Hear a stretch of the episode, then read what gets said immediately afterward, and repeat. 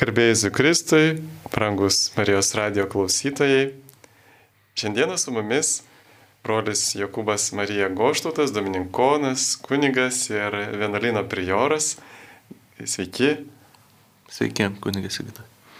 Ir aš, kunigas Sigitas, ir mes šiandieną, vėl kaip ir kiekvieną šeštadienį, bandysim atsakyti į jūsų klausimus.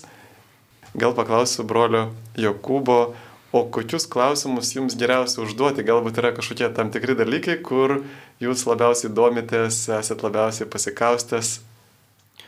E, iš tikrųjų, aš pats e, kasdienybei sulaukiu pačių įvairiausių klausimų, tai net nežinau, ar reikėtų išskirti kažkokią čia tai specializaciją. Šiaip mano, mano, pavyzdžiui, studijų sritis buvo tai bažnyčios tėvai ir krikščioniškiai rytai. Tai nežinau, ar čia tokių klausimų labai galima sulaukti. Tai tiesiog, kas rūpi, kas, kas įdomu, kas, kas svarbu žmonėms, man atrodo. O kodėl atsisakėte būti Marijos radio programų direktoriumi, kai jums pirmam pasiūlė viskupai šiemet? E, pasiūlė, na, svarstymų buvo, e, mąstymų, netgi toksai, net galbūt krypau į tą, į tą sutikimą, bet Na, vas taiga netikėtai broliai e, pasibaigus mūsų būsio vienuolyno prioro kadencijai nusprendė išsirinkti vyresniuoju, tai šitos pareigos na, reikalauja ir labai daug e, atsakomybės suteikia ir reikalauja daug atsakomybės ir taip pat buvimo vienuolynė. Na, ir kažkaip nelabai mačiau, kad susiderintų šitos dvi tarnystės, kurios e, vienodai, man atrodo, daug užima ir laiko, ir atsakomybės, ir, ir ruošimuose. Tai va, tiesiog Dievas taip sudėliojo, kad e, gavau pasirinkti vieną, kas yra arčiau namų. Aišku, supratau. Na, ir jūs esate irgi domininkonas, e, reiškia, turbūt labai gerai išmanot ir Tomą Akvinietį, tai vad galės klausytojai užduoti klausimus apie Tomą Akvinietį. Va, kas iš jūsų jaunesni, tai galiu pasufleruoti ir, ir dirbtinio intelekto robotas čia GPT, jis labai gerai išmano Tomą Akvinietį. Ir vieną kartą klausiu jo, tai kur Tomas Akvinėtis kalba apie tai ir tai. Ir jisai tiesiog išmetė štai, va, tokio ir tokio daly, tokiam skirsnyje Tomas Akvinėtis kalba tai ir tai. Tai iš tikrųjų yra irgi, jeigu jau Jūs kada neturėsit laiko atsakyti, va žinokit, kad chat GPT, dirbtinis intelektas gali atsakyti apie Tomą Akvinėti visai nemažai klausimų. O gal mes jau turime lietuviškai kažkokių tai Tomo Akviniečio tekstų? Iš tikrųjų, pačios e, didžio, pačio didžiojo veikalo e, sumos teologikos mes neturime lietuvių kalba, bet yra išverstos uh, Kai kurie kiti traktatai, pavyzdžiui, Suma prieš pagonis, man atrodo, lietuvių kalba yra gal keturi tomai. Taip pat e, tai yra trumpesnis traktatas, e, skirtas vat, būtent e, irgi tikėjimo tiesų išdėstymui, bet tokiam kaip, kaip pradmenis, ypatingai tiems, kurie net nepažįsta krikščionių tikėjimo. Taip pat lietuvių kalba yra išverstas keletas traktatų, kaip politiniai traktatai Tomo Kviniečio, bei dar vienas įdomus veikalas, bet labai sudėtingas, tai yra apie angelus. Ir ką Tomas rašė apie angelus, tokio įdomaus? Aha, Iš tikrųjų, Tomo mintis labai, labai sudėtinga, bet tokia mintis, kaip jisai prieina prie tų pačių angelų egzistavimo, jisai sako, kad tas, galėtume sakyti, tarpas tarp Dievo ir žmogaus yra toksai didelis, kad ne, neįmanoma įsivaizduoti, kad nebūtų kažkokie tarpininkai. Ir jisai kalba būtent apie dvasių pasaulį ir būtent kaip angelus, kaip, kaip Dievo žinios nešėjus žmonėms.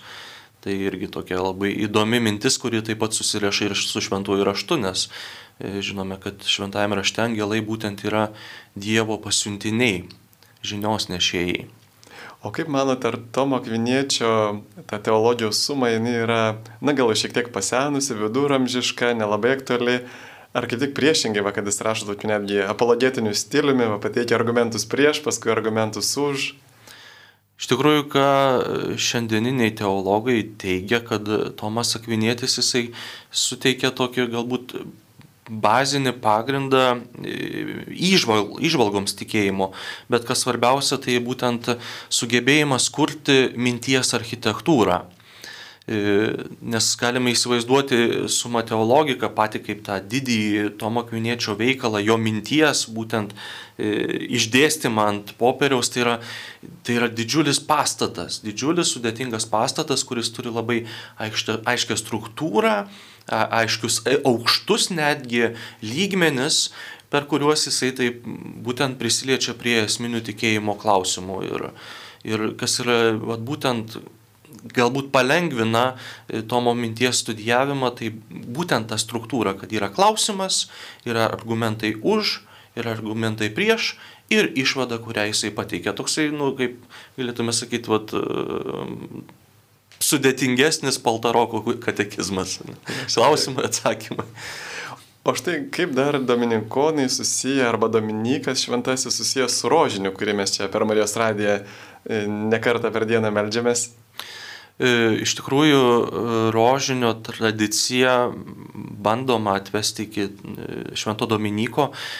Manoma, kad galėjo egzistuoti kažkokia rožinio forma, tais laikais, bet tai nebuvo netgi pilna sveika Marija, sveika Marija malda. Pats rožinis toks, kokį mes turime šiandien, jisai ateina būtent iš kartūzų vienolyjos. Ir rožinio malda, jinai pas juos pradėjo, išėjo į dienos šviesą būtent 16 maždaug, maždaug amžiuje. Kartūzų vienuoliai nešioja baltus abitus, Ir, na, kadangi Dominikono ordinas visuomet buvo žinomas kaip labiau marijinis ordinas, tai neaišku, ar čia tiesiog sumaišius abitų spalvą, ar tiesiog tokia kaip irgi galbūt šventosios dvasios vedimas, kad Dominikonai perėmė šitą, šitą vėliavos nešimą rožinio į, į pasaulį ir, ir ta, ta malda iš, išplito. Ir netgi mes dabar esame atsakingi už rožinio maldą Nes e, Romoje, reiškia, mūsų ordino centre generaliniai kurijoje netgi yra atsakingas brolis ordino magistro socijus, skirtas rožinio maldos, e, nu, kaip propagavimui, kaip skleidimui žinios šitos. Taigi dominikonai esame surišti su tuo, aišku, kiek, man atrodo, kiekvienas esate matę ikonografijoje būtent vaizduojama mergelė Marija, e, kuri įteikia rožinį būtent šventajam Dominikui. Ir būna dar netgi šalia mūsų irgi šventoji dominikonų e, Kotryna Sienietė.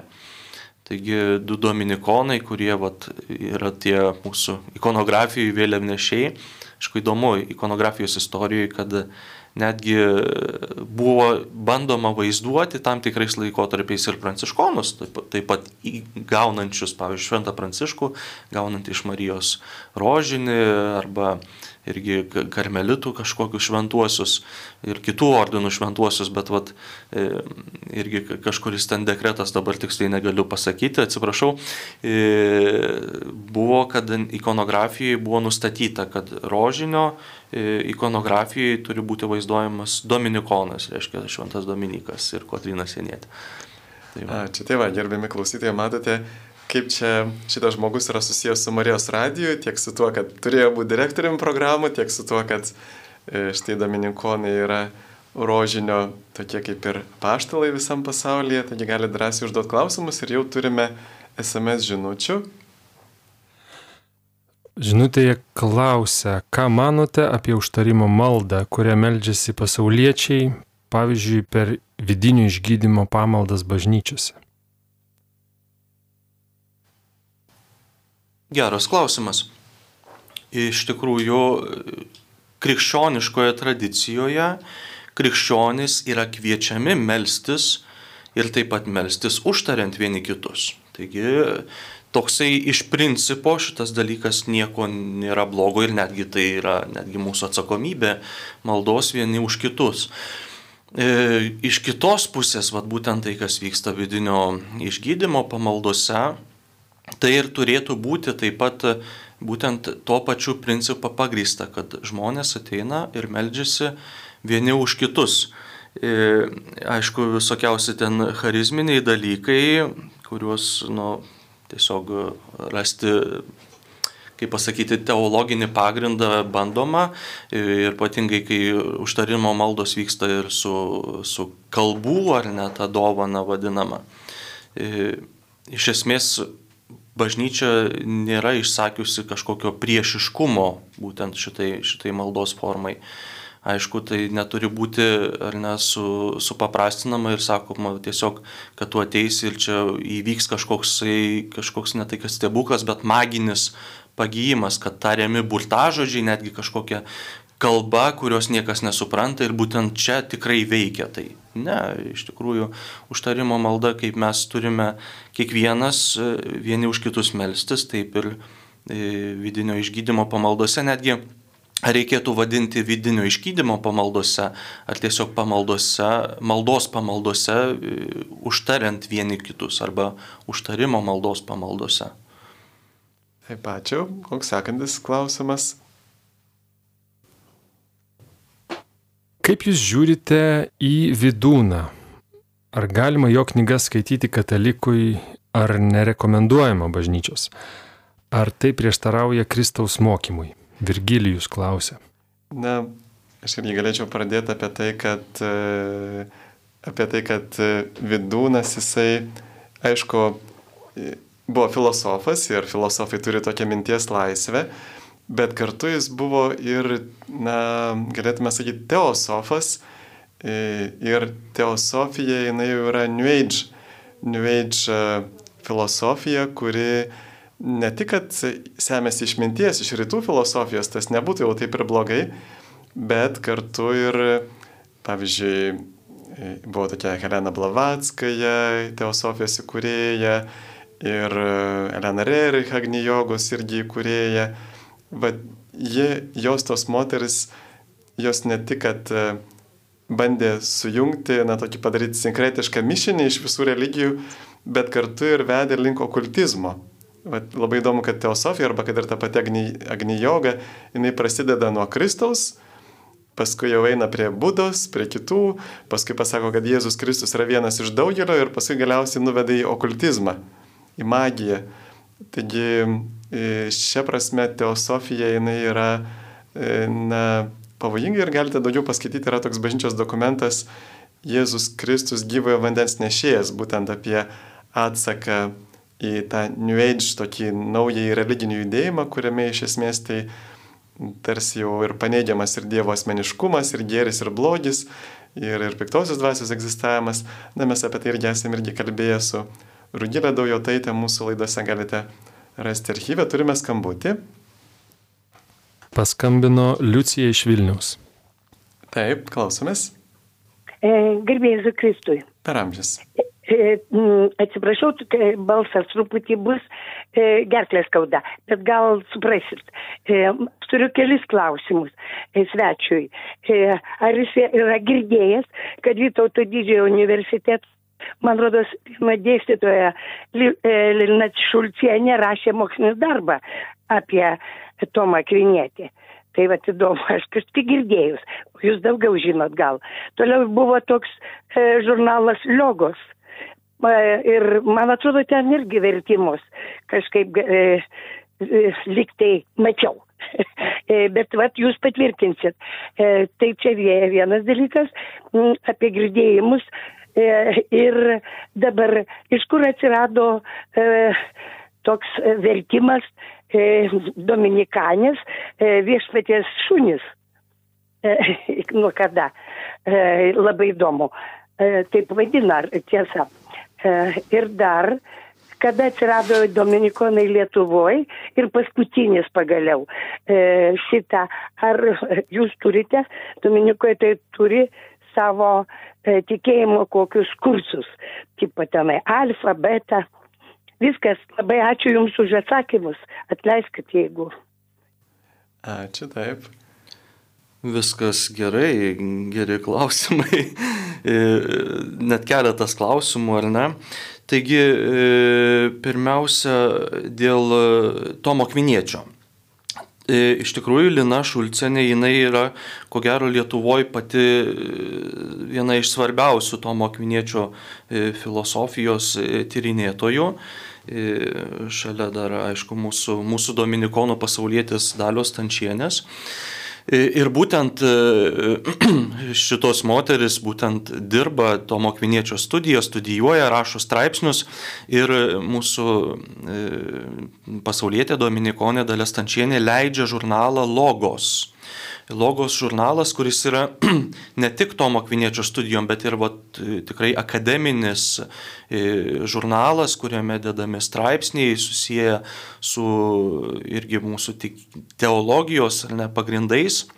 Ir ten taip pat būna straipsnių e, apie Tomą Akvinietį, e, taip pat su vertimų fragmentais ir taip toliau. Taigi e, tikrai patvirtinu, kad tai egzistuoja, ypatingai vat, būtent šitų dviejų asmenybių Lietuvoje, kurios daug, labai daug dirba. Tik jeigu neklystu, kad Logos leidikla visai neseniai turbūt užsidarė, ar ne? E, logos leidikla negaliu pasakyti, nes dar visai neseniai tas žurnalas įrėjo, e, vos ne prieš pusmetį mes galime pasidomėti. Taip. Jo. Tai va. E, kitas dalykas, einant prie dominikonų, ar ne, klausimas buvo apie dominikanis, ar ne, Dievo šunis. Ne tiek Dievo šunis, jeigu latiniškai verstume dominikanis, tai reiškia labiau viešpatie šunis. Yra įdomi šita istorija, nes e, kaip, kaip tas pavadinimas prilipo prie mūsų, ar ne, kaip etiketė.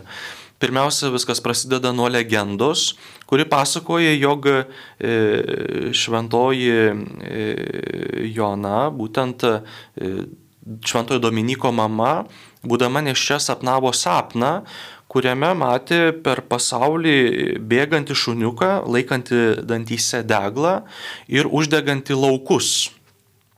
Ir jai paskui ten bandė išaiškinti, kad va čia yra ženklas ar viešpatie žinia, kad e, tavo vaikas, kurį pagimdysi, jisai bus vat, kaip, kaip Dievo siūstas e, šuniukas, ne, kuris savo žinia, bėgdamas per pasaulį, jį uždegs būtent tikėjimo šviesa. Na, šiandien jau galim sakyti, kad tikrai šita kokia pranašystė ir išsipildė. Bet iš tikrųjų paėmus e, dominikonų ikonografijoje, kaip dominikonai pradedami vaizduoti šunimis, tai ateina labiau iš vėlesnių laikų, na, kiek galima sakyti vėlesnių, labiau iš 15 amžiaus, e, kuomet Florencijoje buvo pastatyta e, Santa Marija Novela bazilika arba bažnyčia, būtent mūsų Dominikonų vienuolyno bažnyčia ir tenais e, vienuolyno uždaram, uždaram kiemelyje yra didžiulė freska vaizduojanti bažnyčią vaizduojanti bažnyčią centre popiežių, aplinkui e, dvasininkus, vyskupus, kardinolus, kunigus ir visą tikinčiųjų bendruomenę. Ir šita, šitoje freskoje vaizduojama, kaip ta tikinčiųjų bendruomenė arba bažnyčia puola vilkai. Ir e, kas yra įdomu, kad e, šitoje freskoje matome prie popiežiaus kojų šunis, juodai baltų šunis ir taip pat šunis vejančius e, vilkus nuo, nuo bažnyčios arba nuo, nuo, nuo žmonių. Taigi tokia ikonografiškai galime sakyti, kad matome, kad 15 amžiuje jau šita, šitas simbolis Dominikonų atsiranda kaip bažnyčios ir tikėjimo gynėjų būtent e, kaip tie viešpatie šunis, kaip tie skalikai, vejantis nuo, nuo, nuo, nuo, nuo tikinčiųjų būtent erezijos ir, ir piktojo veikimo. Taip, sekantis klausimas. E, sveiki, turime labai svarbų rūpestį. Abu esame išsituokę. Antrosios pusės gyvos, išsituokę geruoju. Mūdu kiekvieną sekmadienį einame į bažnyčią ir priimame šventąją komuniją. Iš kitų sužinojome, kad tai negerai. Kaip mums toliau elgtis ir kur kreiptis? Ar tai nuodėme? Esame labai tikintis ir norime suartėti su Dievu per komuniją. Dėkojame už atsakymą. Na, aišku, bažnyčia kalba apie tai, kad e, krikščionis jisai turi liudyti Kristaus ištikimybę bažnyčiai Ir vienas iš tų liudijimo būdų yra būtent e, ištikimybė santokoje, kas taip žmogiškai gal ir sunkiai įmanoma, bet su Dievo pagalba, su santokos sakramento malonės pagalba, su intensyvia kasdienė malda tai įmanoma, aš nežinau, aš nebandžiau. Bet e, visgi, kada žmonės yra išsituokę, jie, kaip Jėzus sako, kad kas atleistą veda, tas svetimauja ir, ir tada priverčia svetimauti savo atleistą žmogų. Tai čia nais turbūt viena iš išeičių yra pabandyti kreiptis į bažnytinį tribunolą, galbūt būtų įmanoma e, pripažinti negaliojančiamis tas santukas, galbūt buvo kažkokių kliučių. Ir tenais jau kreipiantis tiesiog gali pakonsultuoti ir pasakyti, ar, ar yra vilties, kad ta tokia santuoka galėtų būti pripažinta negaliojančia. Ar apskritai verta teikti kažkokius dokumentus ir paprastai jau, jau per konsultaciją žmogui tampa aišku.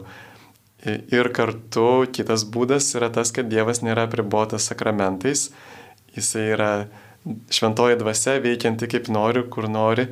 Ir tikrai, jeigu, na, toks yra nuoširdus irgi būda, na, nuoširdus troškimas priimti Dievą, tai jisai ateina ir ne per sakramentus dvasiniu būdu. Na ir dar trečias būdas, tai tiesiog galėtumėt gyventi kaip brolius ir sesuo, tai tuomet e, nebūtų tos vadinamos svetimavimo nuodėmės ir tuomet galėtumėte priimti visus sakramentus. Kita klausimą atsiuntė SMS žinutė. Prieš operaciją priėmiau ligonių sakramentą. Kiek laiko jis galios? Aha. E, ligonių sakramentas, jisai, taip sakant, ne maksimui nusipirktas pieno pakelis. Jisai iš tikrųjų turi galiojimą būtent turint intenciją ar ne, būtent dėl šitos lygos ar taip toliau, e, jisai yra suteikiamas ir žmogus, jisai nešiojasi iki, iki kol vėlgi pajus vat, būtent rūpesti dėl savo sveikatos ir ateis būtent vėl pakartoti tą tą ligonių sakramentą, bet galbūt e, į ką galėtume atsiremti, tai kad būtent su ligonių sakramentu taip, taip pat eina ir išpažinties sakramentas.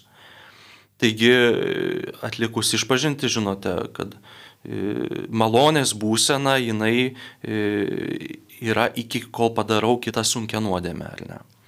Pavyzdžiui, sekmadienį nebuvau šventosiuose mišiuose, toks kaip pavyzdys, ar ne?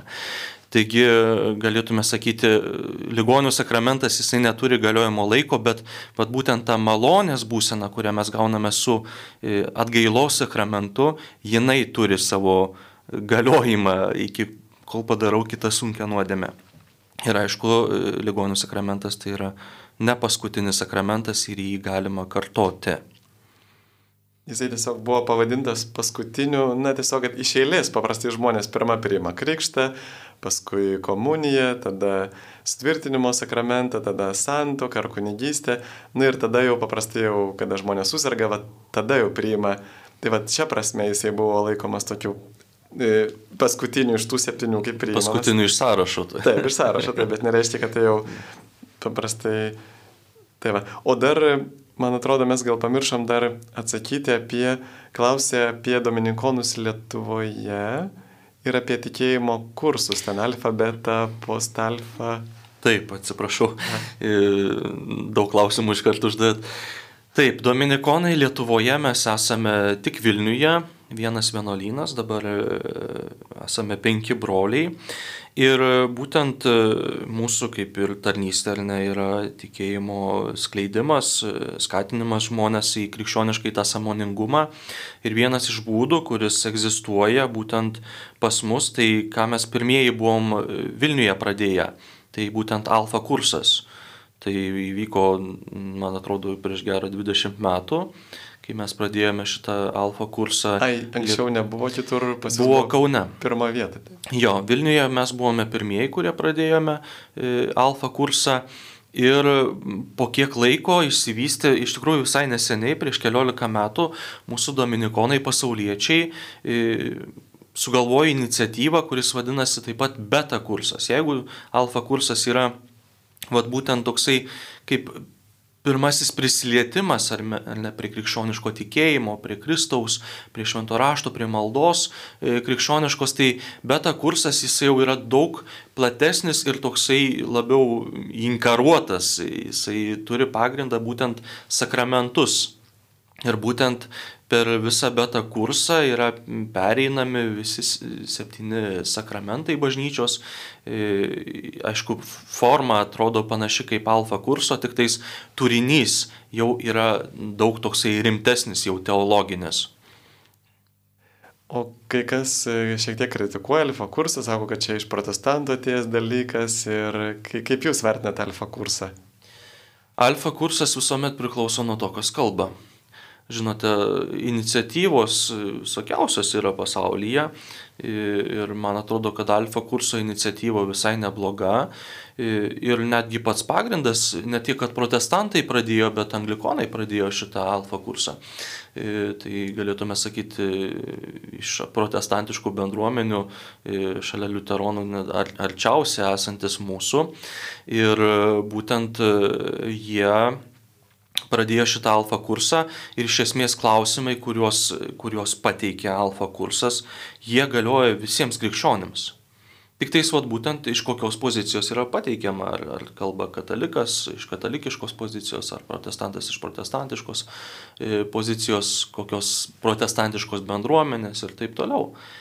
Bet vat, vėlgi prie ko reikėtų sugrįžti, kad tai yra vat, būtent pirminis, kaip sakau, prisilietimas prie tikėjimo dalykų, prie Kristaus asmens, prie švento rašto, prie maldos, kur, kas egzistuoja pas visus krikščionis, ta prasme.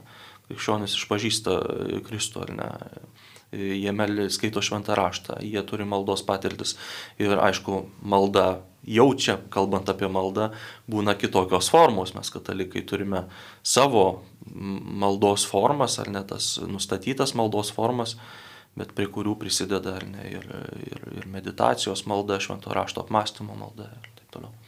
Ir kartu, jeigu dar nesate matę ir jeigu naudojatės internetu, yra tokia svetainė alfakursai.lt kur parengė ir Alfa kurso centras, kažkada jis buvo ir pas jūs Lietuvos Alfa kurso centras, nežinau kaip dabar. Tebėra. Tebėra jūsų, jūsų vienuolyno patalpose. Tik direktorė Kaune gyvena. Taip, taip. Ir, ir tenais toje svetainėje yra netgi keturios Alfa filmų serijos. Ir netgi yra paskui ir krikščioniškų filmų svetainėje arba YouTube kanale yra ištraukos specialiai iš tų filmų, tokios vyšnios surinktos nuo tų kiekvienos serijos, kurias galima naudoti vedant tos alfa kursus.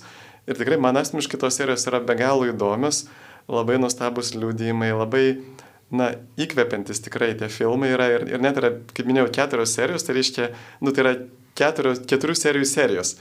Pavyzdžiui, yra keliolika filmų alfa saugusiems, e, nu, tiesiog alfa kursas yra keliolika serijų alfa jaunimui, taip pat kelios serijos pasiruošimų santokai, kursas su toktiniams. Tikrai na, labai rekomenduočiau, pavyzdžiui, tą kursą su toktiniams. Tiesiog tos filmus netgi galima peržiūrėti prisiregistravus nemokamai toje svetainėje. Tos tokios pagrindinės temos apie santokinį gyvenimą ir nėra toks jisai gerai krikščioniškas, bet remiasi krikščioniškom vertybėmis ir labai žymus pasauliniai kalbėtojai ten kalba, tai tikrai labai aukštos kokybės geri yra tie filmai, galite juos atrasti alfakursai.lt ir dar klausė apie post-alfa, atrodo yra post-alfa kursas pas jūs. Tai yra ne kursas, tai yra bendruomenė, kurie renkasi taip pat kartą per savaitę, tai irgi man atrodo prasidėjo šitas, e, šitas reiškinys pas mus, kad E, po alfa kurso e, žmonės vat, būtent pajutė ypatingai bendruomenės tą tokį buvimą ir, ir, ir galėjimą dalinti savo tikėjimu, savo tikėjimo išvalgomis, jie dažniausiai išreiškia tą norą likti bendruomeniai. Bet kokiu būdu likti bendruomeniai, vėlgi įsijungti į parapiją, kaip įsijungti į tą parapiją, ar tiesiog vat, išsaugoti tokią kaip bendruomenę, kur galėtų vėlgi gilintis, e, pasikviesti kalbėtojus, e, melstis kartu. Tai vad e, postalfa irgi pas mus egzistuoja jau daugybę metų, jie renkasi kartą per savaitę, pirmą mėnesio pirmadienį jie turi švenčiausio sakramento adoraciją, kitom savaitėm vat, būna vienas mūsų brolis eina Evangelijos komentarą pateikti, aš šiemet jau kažkaip atsitraukiau nuo šito, bet irgi eidavau kartą per mėnesį kalbėti dvasingumo klausimais, krikščioniško dvasingumo klausimais. Na tai, tai va, tai ta tokia bendruomenė, kuri, kuri tarsi testinumas to alfa kurso, bet jau gilinantis labiau į tai, kas yra mūsų tikėjimas. Ir, ir čia dar galima irgi paminėti, kad alfa kursai kaip tik dabar prasideda parapijose ir praktiškai vykdomi dabar vos ne kiekvienoje bažnyčiai, tiek katalikų, tiek nekatalikų. Tai tikrai galite rasti turbūt greičiausiai savo parapijoje. Ir labai rekomenduoju tikrai alfa kursą perėti net jeigu ir jūs esat, na, praktikuojantis katalikas, besiklausantis kasdien Marijos radijo, nes čia yra kartu ir bendruomenė, ir būdas gilinti savo tikėjimą, vėl iš naujo atsiversti. Tai tie kursai paprastai vyksta arba nuo spalio mėnesio, ar ten rugsėjo pabaigos, arba net ir du kartus per metus. Vat, e, rudenį ir, ir pavasarį, tai prisimenu iš mano buvusios parapijos, tai visas aktyvas parapijos ir susibūrė būtent per alfa kursą. Tikrai yra labai užkabinantis, kur daug žmonės pasilieka bažnyčioje. Dar turime klausimų. Gal galiu paminėti, Taip. kad Jeigu kas nori dominikoniško alfa kurso, e, pas mus prasideda alfa kursas spalio 4 dieną, baigėsi gruodžio 20 dieną ir daugiau informacijos galite rasti e, puslapyje www.alfa.dominikonai.lt. Taip, ačiū. Klausimas SMS, SMS žinute. Kodėl Seno testamento Dievas skiriasi savo griežtumu nuo Dievo aprašyto Naujajame testamente?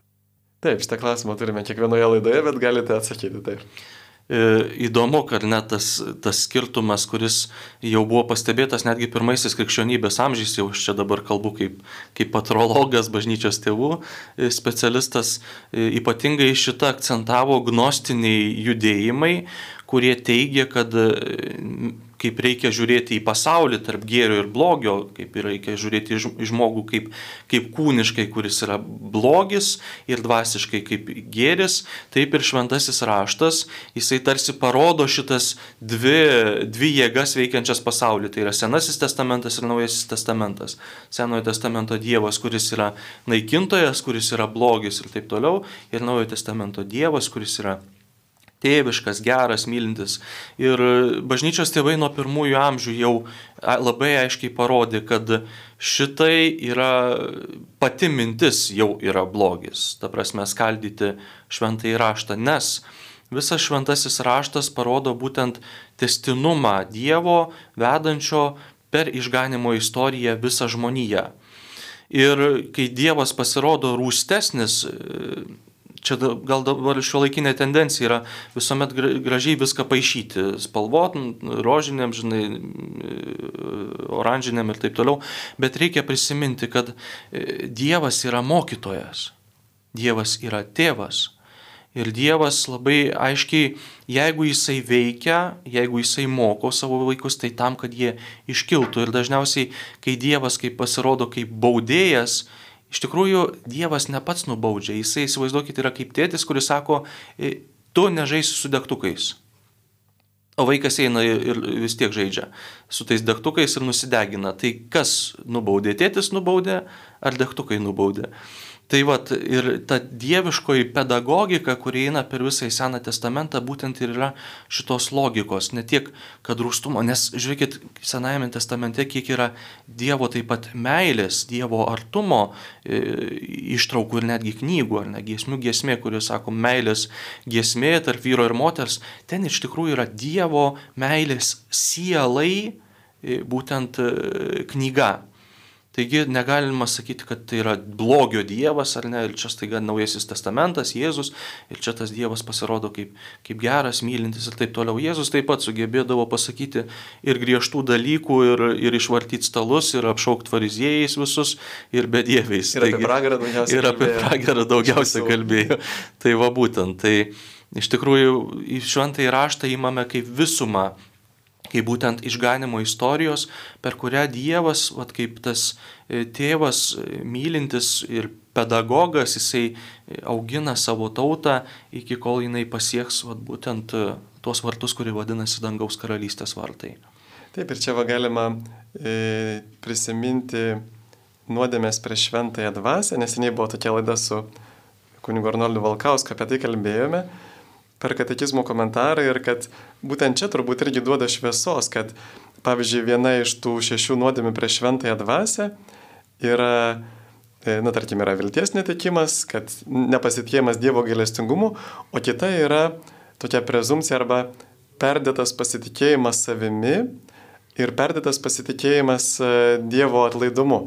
Ir tas perdėtas pasitikėjimas, kad, nu, reiškia, kad aš čia vienas galiu, be Dievo malonės, arba kad e, Dievas viską atleis, ką padarysiu, yra nuodėmė prieš šventąją dvasę, yra net leidžiama nuodėmė, jeigu aš, e, na, neturiu Dievo baimės, galiu daryti, ką noriu ir sakyti, kad, na, va, Dievas vis tiek čia atleis.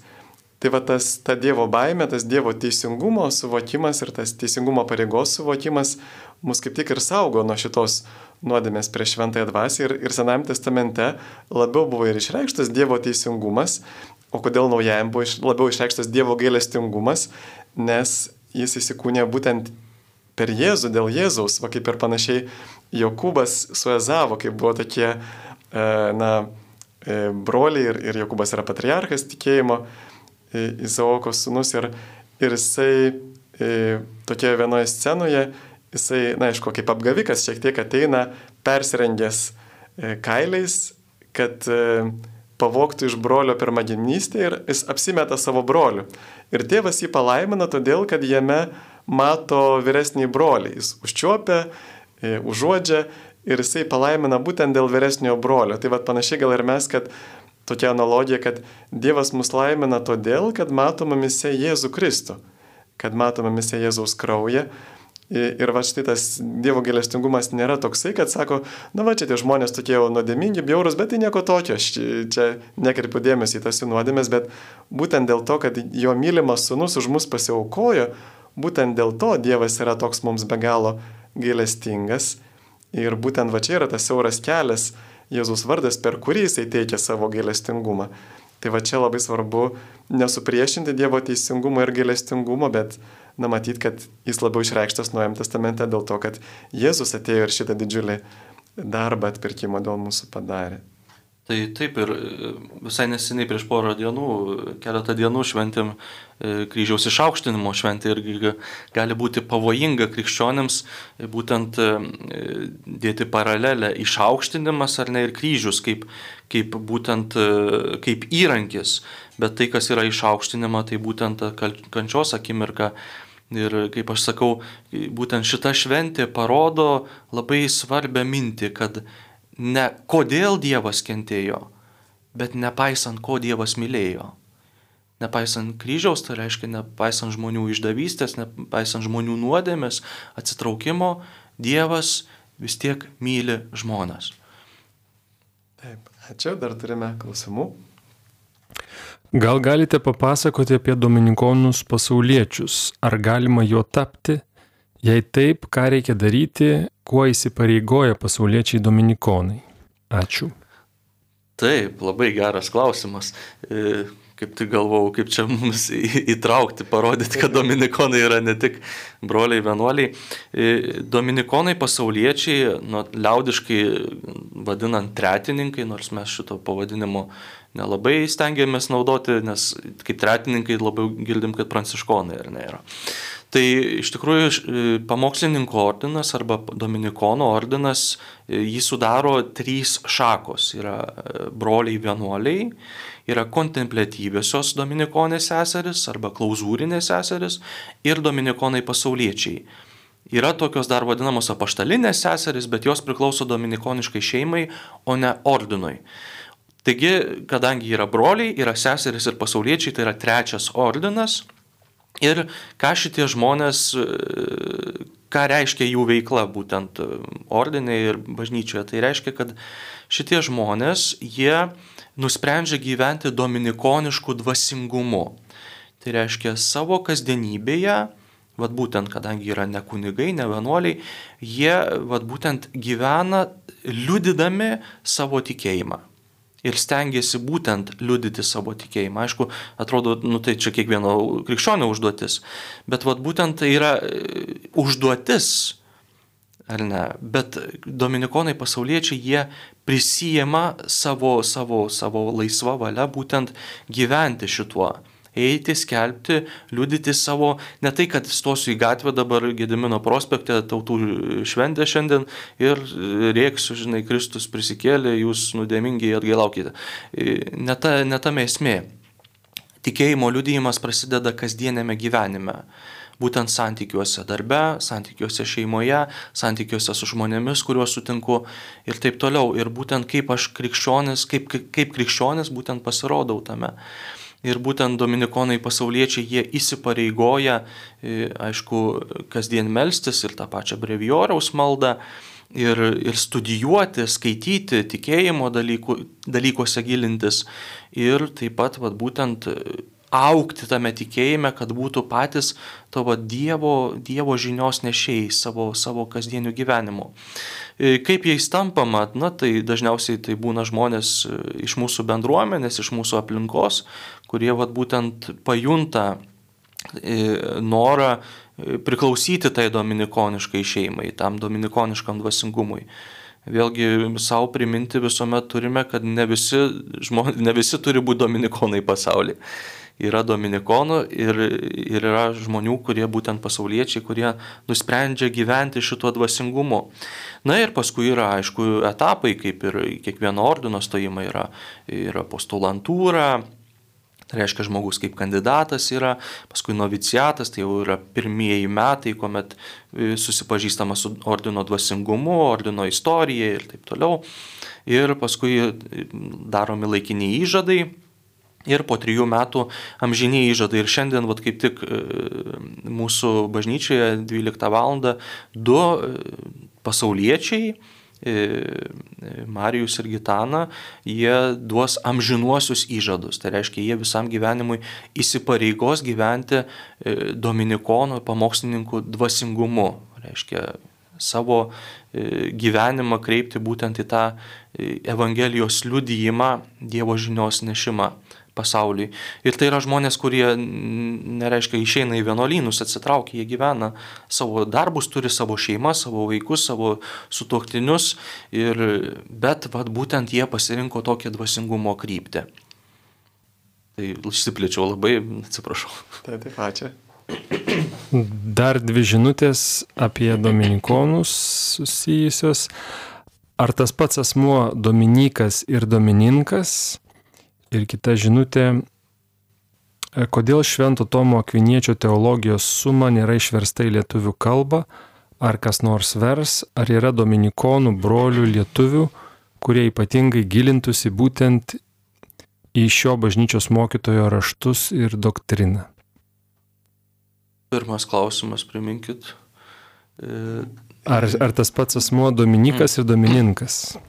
Iš tikrųjų tai yra tas pats asmuo, tik tais e, lietuvių kalboje mes turime tokį laikotarpį, kuomet e, Dominikas e, buvo vadinamas Domininku, šventasis apaštalas Paulius buvo vadinamas Povilu, todėl ateina, pavyzdžiui, bažnyčios Švento Petro ir Povilo bažnyčios pavadinimas, nors tas pats Paulius yra ar Povilas ar Paulius.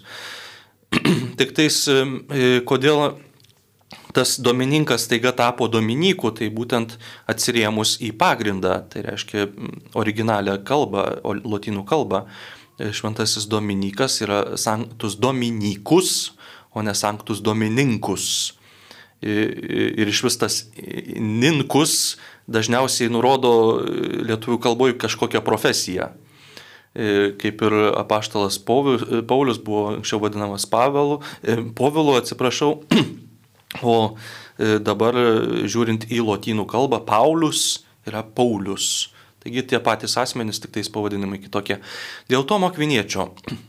Žinokite, Tomo e, suma teologika yra toks didžiulis veikalas, kad jį išversti reikia labai daug pastangų, labai daug darbo ir mes Lietuvoje nelabai turime pajėgų šitam darbui atlikti.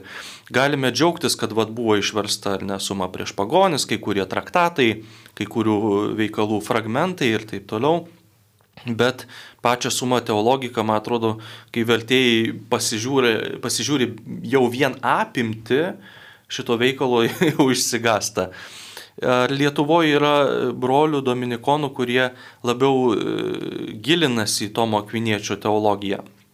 Šiandien iš tikrųjų galbūt ne tiek jau ir daug, mes kiekvienas esame savo formacijos metu prisilietę prie Tomo Akviniečio, kažkokias sritis e, studijavę, susipažinę. Pavyzdžiui, aš kai mokiausi Prancūzijoje, mes turėjom netgi sesiją e, apie Tomo Akviniečio žvilgsnį į žmogų, būtent kaip sudaryta iš kūno ir sielos, tai kas yra vadinama krikščioniška antropologija. Bet tai, kad grinai pašvesti savo, savo, savo kasdienės studijas vien Tomui Akviniečiui, tai dabar nėra. Tuo labiau, kad mes Lietuvoje iš vis esame tik penki broliai, e, tai kiekvienas turime daugiausia savo sritis studijuojamas kažkokias, ar broliai teisininkai, ar broliai būtent bažnyčios tėvų specialistai ir taip toliau. Taigi, bet Tomas Akvinėtis, aišku, jisai eina eina kartu su ordinu ir galbūt netgi būtų net neteisinga e, Dominikonų ordiną e, dėti į paralelę tom, su Tomo Akviniečio studijavimu, kad Dominikonai būtinai Tomas Akvinietis. Iš tikrųjų, Tomas Akvinėtis mes net ordinė jį nevadinam kažkokiu tai tenais ypatingų titulų teikiame. Mes jį vadiname Ir labai gražu, kad ypatingai vyresnėji broliai, kurie su Tomu susidūrė 20-ojo amžiaus pradžioj, kuomet Dominikonai tik studijavo Tomą Akvinietį, jį net nevadina kažkokiu didžiuoju, ten Tomas Akvinietis, ojojoj. Jie sako brolis Tomas. Brolis Tomas sakė, brolis Tomas mąstė, brolis Tomas vat, veikia kažką. Taigi mes visi Dominikonai esam broliai ir Tomas Akvinietis vienas iš mūsų brolių, kuris vat, bažnyčioje tapo e, šitos didžios teologijos teologinės sumos e, autoriumi. Ir ypatingai teologinė suma, jinai buvo parašyta netgi ne profesoriams, o novicams.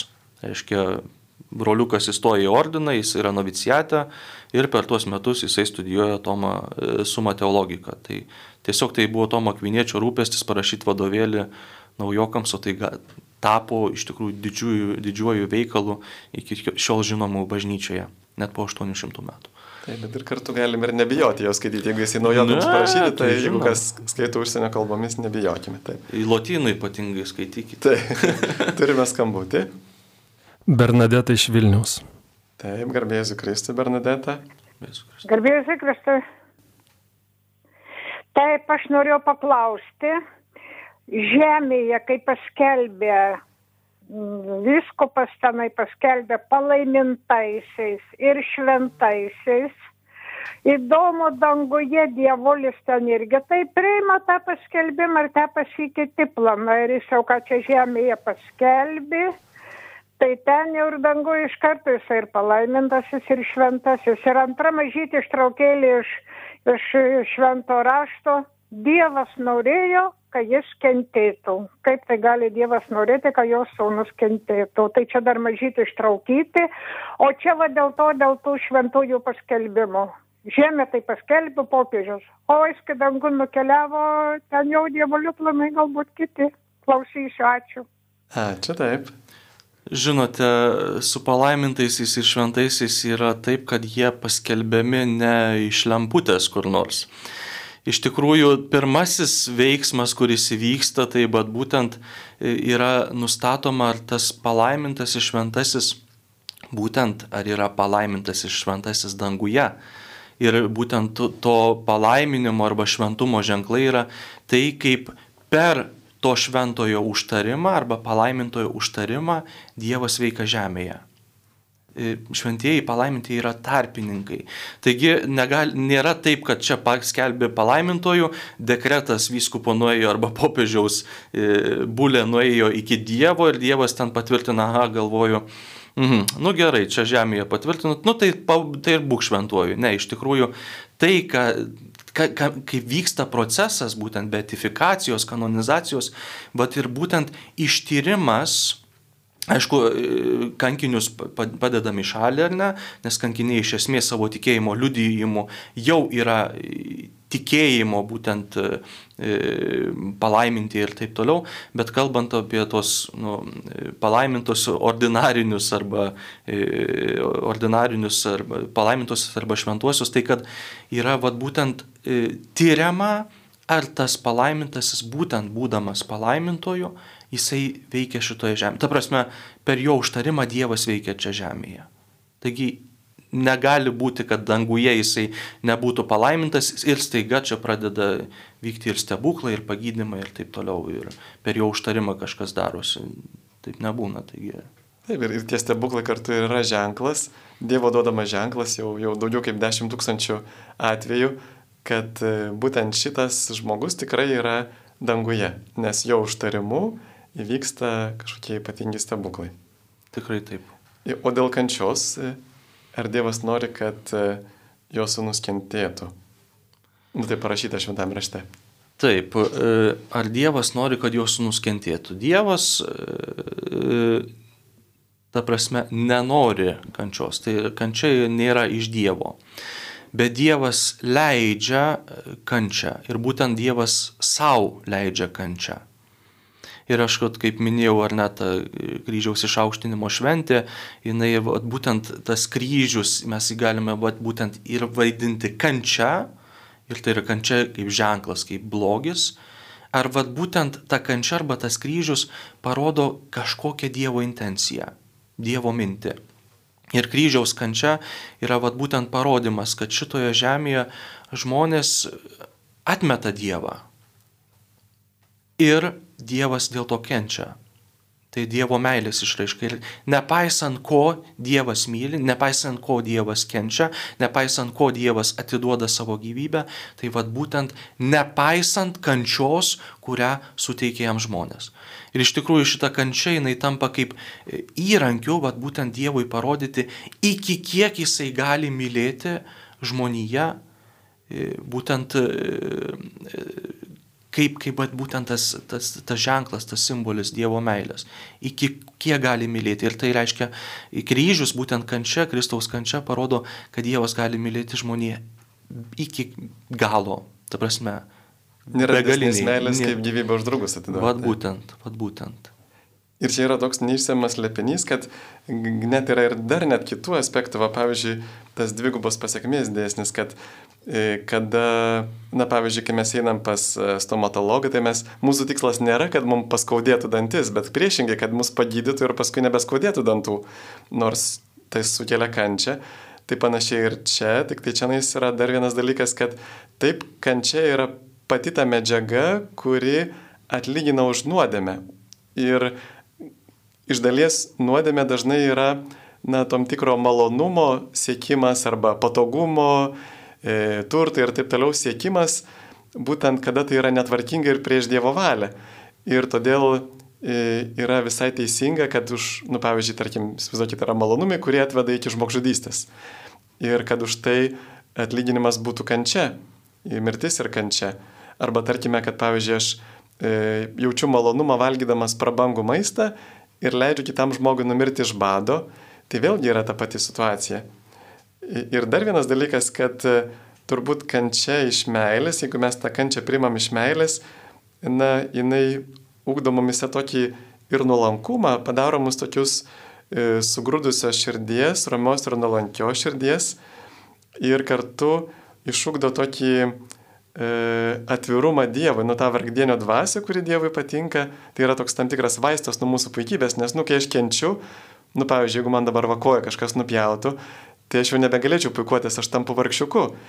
Ir, ir tai mane saugo nuo puikybės ir kartu sukuria tokį atvirumą Dievo meilį, nes labai dažnai žmogus iš savo puikybės tiesiog atmuša, atstumia Dievo meilę ir kada mes nuolankiai kenčiame, mes pasidarom atviri Dievo meilį ir gailestingumui ir jisai labai trokšta mums išlėti savo meilę, savo gailestingumą, mes tada galime ją priimti, tampam atviresni, e, mūsų širdis praplatėja priimti Dievo meilę ir netgi pradam geriau suprasti kitų kančią. Taigi, va, ta kančia jinai e, turi tokį, galbūt net ir gamtoje, gam, gamtos, va, toj visoje evoliucijos eigoje, irgi gam, turbūt kančia turi tam tikrą prasme, kad e, padeda irgi e, veda link tokio didesnio rūpinimosi kitais, link tokio, e, na, aišku, tai yra paslaptis, mes tų dalykų iki galo nežinome, tai turime dar kitų klausimų.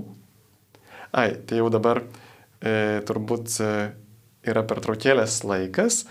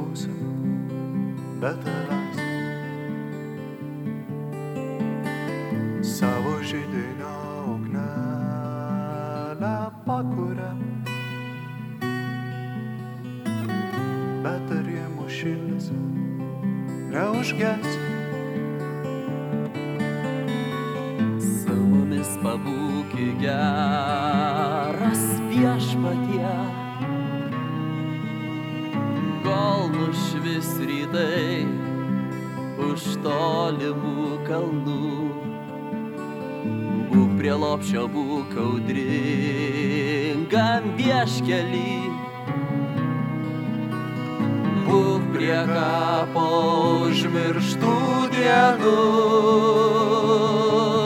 Neišeiki, neišeiki, geras viešpatie. Kaip mums būti be tavęs? Neišeiki, neišeiki, geras viešpatie.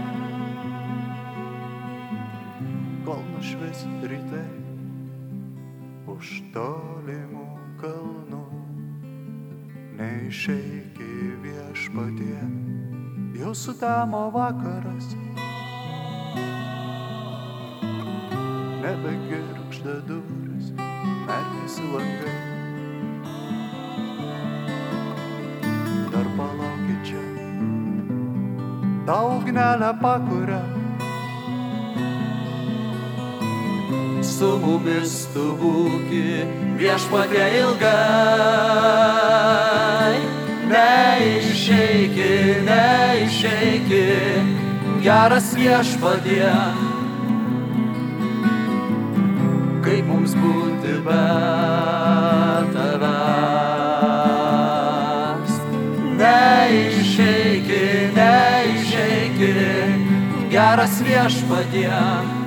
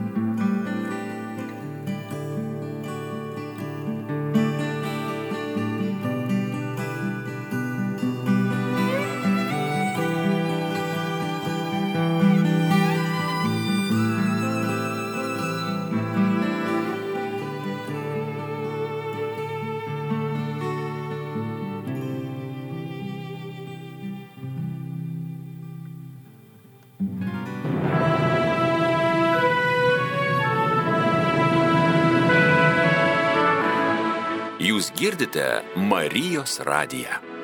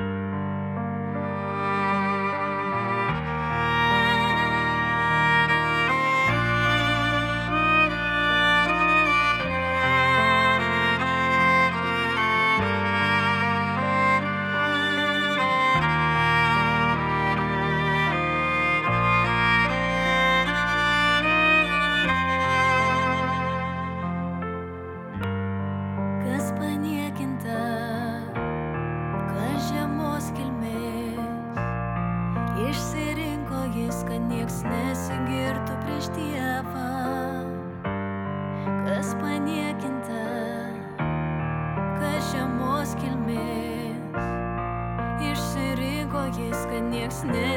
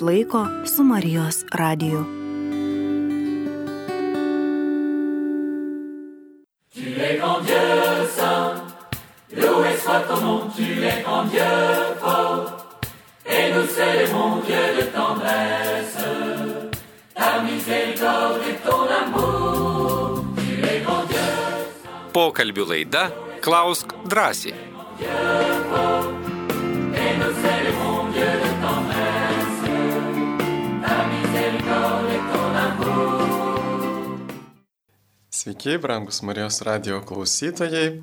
Šiandieną Marijos radio studijoje Vilniuje, prie aušos vartų čia yra brolis Jokūbas Marija Goštautas, Dominikonas, brolis kunigas. E, Galite užduoti kokius tik tai norite klausimus. Aš prisimenu, mes su jaunimo vadovu parapijoje, kai darydavom tokias jaunimo diskusijas ir mes jas buvome pervadinę į klausyk drąsiai, nes mes vieni kalbėdavomės ir neleisdavom kitiems įsiterpti. Va, bet čia nais tikiuosi, kad jūs galite šiek tiek įsiterpti ir jau turite, turime žinučių. Danielius klausia, ką reiškia Marijos litanijoje vardin, vardyjami daiktai - aukso namai, Dovido bokštas, garbės indas ir kiti. Taip, iš litanijų paimti kreipiniai dažniausiai jie yra susijęs su Senojo testamento kažkokiais tai simboliais. Aukso namai, tai kaip būtent šventykla, e, dramblio kaulo bokštas, tai būtent nukreipiama į giesmių giesmės e, knygą. Tai yra būtent kreipiniai paimti iš e, šventojo rašto tradicijos ir kurie buvo mm, pritaikyti būtent mergeliai Marijai, būtent kaip kreipiniai į ją. Taip, pavyzdžiui, va, Dovido bokštas irgi buvo toje e, prie vartų, reiškia, nu tokia tvirtovės irgi simbolis. Ir, ir dabar atrodo, kad dar tebėra. Tai tiesiog, e, Tai aišku nereiškia, kad būtent tie Senojo testamento kreipiniai buvo būtent Marijos kreipiniai, bet vat, būtent jie buvo paimti, vat, būtent kaip, kaip įvaizdžiai iš Senojo testamento, pritaikyti būtent Dievo motinos e, pamaldumui, vat, būtent kreipiniai, ją, ją gerbiantis kreipiniai. taip, arba pavyzdžiui, kad ir e, sandoros skrinė, taip, kurioje buvo ir e, Dievo įsakymų lentelės, ir mana, ir pražydusi Arono lasda. Na, va, tai buvo tokie simboliai, kurie labai susijęs su Jėzumi Kristumi, kad Jėzus Kristus yra tas naujasis įstatymas, tai įsikūnijus išmintis, tas kunigas ir, ir tas, ta mana duona iš dangaus. Ir Marija yra kaip ta sandoros skrinė, kurioje Jėzus Kristus gyvena, per kurią ateina. Taigi tie e, bibliniai simboliai turbūt nėra atsitiktiniai, nes galime netgi atrasti, kad Dievo išmintis tiesiog norėjo per juos atskleisti neregimus dalykus ir todėl Senojo testamento bažnyčia, va kaip ir pirmoje dalyje apie klausimą apie Dievo blogumą Senojo testamento, bažnyčia niekada netmetė Senojo testamento, nes būtent Senojo testamento įvaizdžiai mums kaip tik padeda daug aiškiau suprasti Jėzaus visą veiklą, kuris tiesiog įgyvendina Senojo testamento pranašystės ir, ir patį Jėzaus asmenį, jo misiją. Dar turime klaus, klausimų. Du susiję klausimai apie dvasios vadovavimą, kaip ir kur galima susirasti dvasinį palydėtoją. Kaune, jei pagal savo parapiją kreiptis nenoriu, noriu atlikti ir viso gyvenimo išpažinti, esu tikinti išpažinti atlieku, bet jaučiu poreikį kitokiai išpažinčiai, prašau patarimo, kokia turėtų būti pradžia, kur galima kreiptis ir kitas žmogus tiesiog tiesiai šviesiai klausia, kaip surasti dvasios tėvą ar vadovą. Iš tikrųjų problematiška, bent jau tiek, kiek susiduriu su žmonėmis, tikinčiaisiais, ieškančiais dvasios tėvo, rasti dvasios tėvo. Iš tikrųjų, galbūt pirmas žingsnis būtų vat, būtent e, ieškoti nuodėmklausio, ta prasme, nu, vienoje bažnyčiai bandau išpažinti atlikti, kitoje išpažinti atlikti, na, aišku, ne, neužsiimti tokiu, e, žinai, valkatavimu parapijimniu, bet vat, būtent su ta intencija ieškant dvasios tėvo, nes iš tikrųjų mes geriausiai pajuntame, Arba išvelgiame, kad šitas žmogus turi būtent mano e, sielai įžvalgos tokios ir galbūt jisai galėtų būti dvasiniu palidėtu. Ir, ir vat, vieną kartą nuėjus iš pažinties, antrą kartą nuėjus iš pažinties, jau paskui galbūt prieiti, pakalbinti, galbūt galima ateiti ne tiek dvasinio palidėjimo prašyti, kiek ateiti dvasinio pokalbio, žinai, vienam kartui gal keletui kartų, nes tikrai e, žmonių ateina ir, ir, ir pas mane ateina, aš turiu keletą tokių, kuriuos lydžiu nereguliariai, bet vat, ateinančių dvasinio pokalbio ir tiesiog principas yra labai paprastas. Iškart nesutikti būti dvasiniu palidėtoju, bet, vat, kaip sakant, pabandyti. Ar kalbam, ar, ar, ar išgirstu, žinai, tą, tą žmogų. Nes nu, yra sudėtinga ir, ir, ir, ir man pačiam, tai, žinot, kunigai, vienuoliai esame, tai nereiškia mes patys savo esame užtektini, mums irgi reikia dvasinio palidėjimo ir, ir tokios dvasinės įžvalgos, ir sprendimų prieimime ir vat, tose pačiose kasdienėse kovose ir taip toliau. Taigi mes taip pat ieškom dvasios tėvų ir, ir matome, kad tai nėra, nėra lengva, tai yra sudėtingas darbas ir tuo labiau, kad irgi kunigai, dvasininkai būna ir šiaip užversti visokiais darbais, patarnavimais, administracija. Na, jie, jie tarnauja bažnyčiai vat, būtent tokiu būdu ir ne visada irgi sutinka, nors atrodo, kad taip, jisai galėtų mane palydėti. Taip ir dar vienas dalykas, ar, ar pats žmogus irgi išgirsta dvasinį palidėtoją, nes dažnai žmogus daug kalba, nesiklauso ir, ir neklauso patarimų dvasios palidėtojų, tai kam tada jam iš viso toks reikalingas ir taip pat svarbu atskirti, kad tai nėra kažkokia emocinė pagalba, kad tai nėra psichologinis konsultavimas, bet dvasinio palidėjimo tikslas yra padėti atpažinti Dievo valią. Ir labai svarbu, kad pats žmogus turėtų tą tikslą ieškoti Dievo valios, o ne kažkokių kitų dalykų. Ir aš irgi gal, man sunku būtų irgi pasakyti, ar tikrai yra e, gera praktika, tokia kaip visuotinė praktika būtų dvasiniam pokalbį atskirai susitikinėti, nes tikrai kunigų mūsų mažėja labai sparčiai ir jau tampa tikrai prabanga turėti dvasinį pokalbį ir kartais e, turbūt patys, e, patys e, žmonės, kurie ateina, labai svarbu, kad jie taupytų kunigo laiką, nes na, jau išgirdo tam tikrų išvalgų, galėtų įgyvendinti ir dar kartais tas pokalbis tęsiasi ir valandą, ir virš valandos. Tai va tiesiog irgi galbūt net išmintingiau būtų per išpažinti. Gerai pasiruošti išpažinti ir dar vieną kitą klausimą paklausti. Tai tikrai kunigas vis laik džiaugiasi, kai per išpažinti ko nors penitentas paklausė. Na dar toksai irgi apie dvasinį palidėjimą. E, mintis, kad irgi užakcentuojama būtent, kad dvasinis palydėtojas turi būti e, kunigas, bet e, netgi bažnyčios tradicijoje turime tas vadinamas e, amas arba motinas dvasinės palydėtojas. Tai gali būti ir, ir pašvestoji sesuo, žinai, ir vienuolė. Taigi mes, tai prasme, visur ieškome, kas galėtų, vad būtent kaip sakot, vat, kunigė Sigitai, kas galėtų, galėtų man padėti atskleisti Dievo valią mano, mano, mano žingsniuose, mano, mano kasdienėme gyvenime. Taip, čia turime žinučių.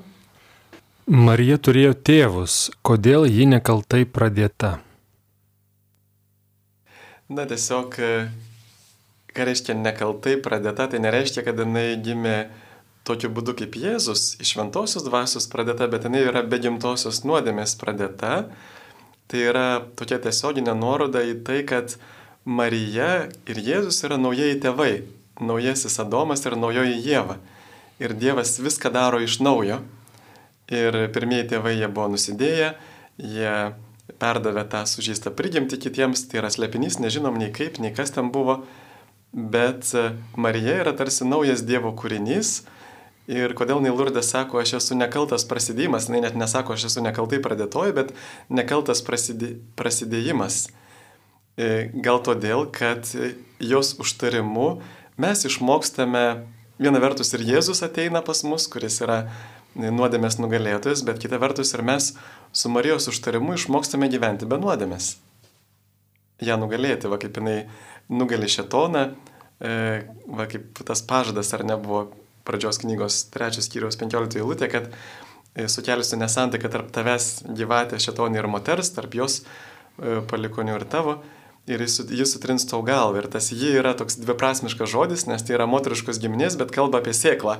Tai aišku, kad Jėzus sutrina galvą, bet, kaip pavyzdžiui, Paulius irgi mini viename iš laiškų, kad e, jisai sako, ir Dievas sutrins šetoną po jūsų kojomis.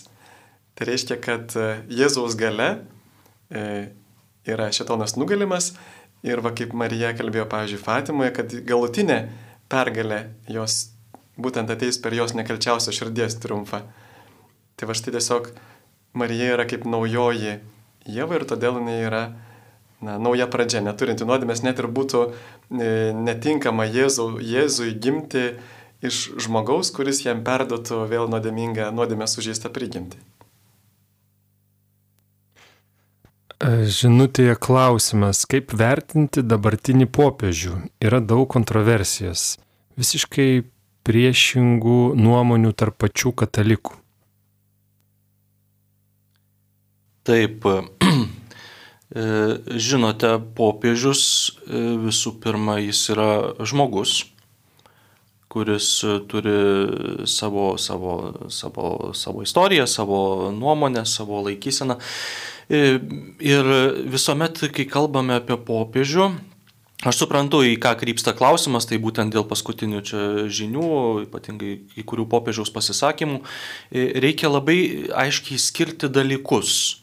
Popiežių kalbanti, kai kalba, kai kalba popiežius. Popiežius kalba lėktuve, popiežius kalba kažkur per zoomą prisijungęs ir kai popiežius kalba vadinama ex katedra kuriame perteikia aiškę bažnyčios poziciją, bažnyčios laikyseną, tikėjimo ir moralės klausimais.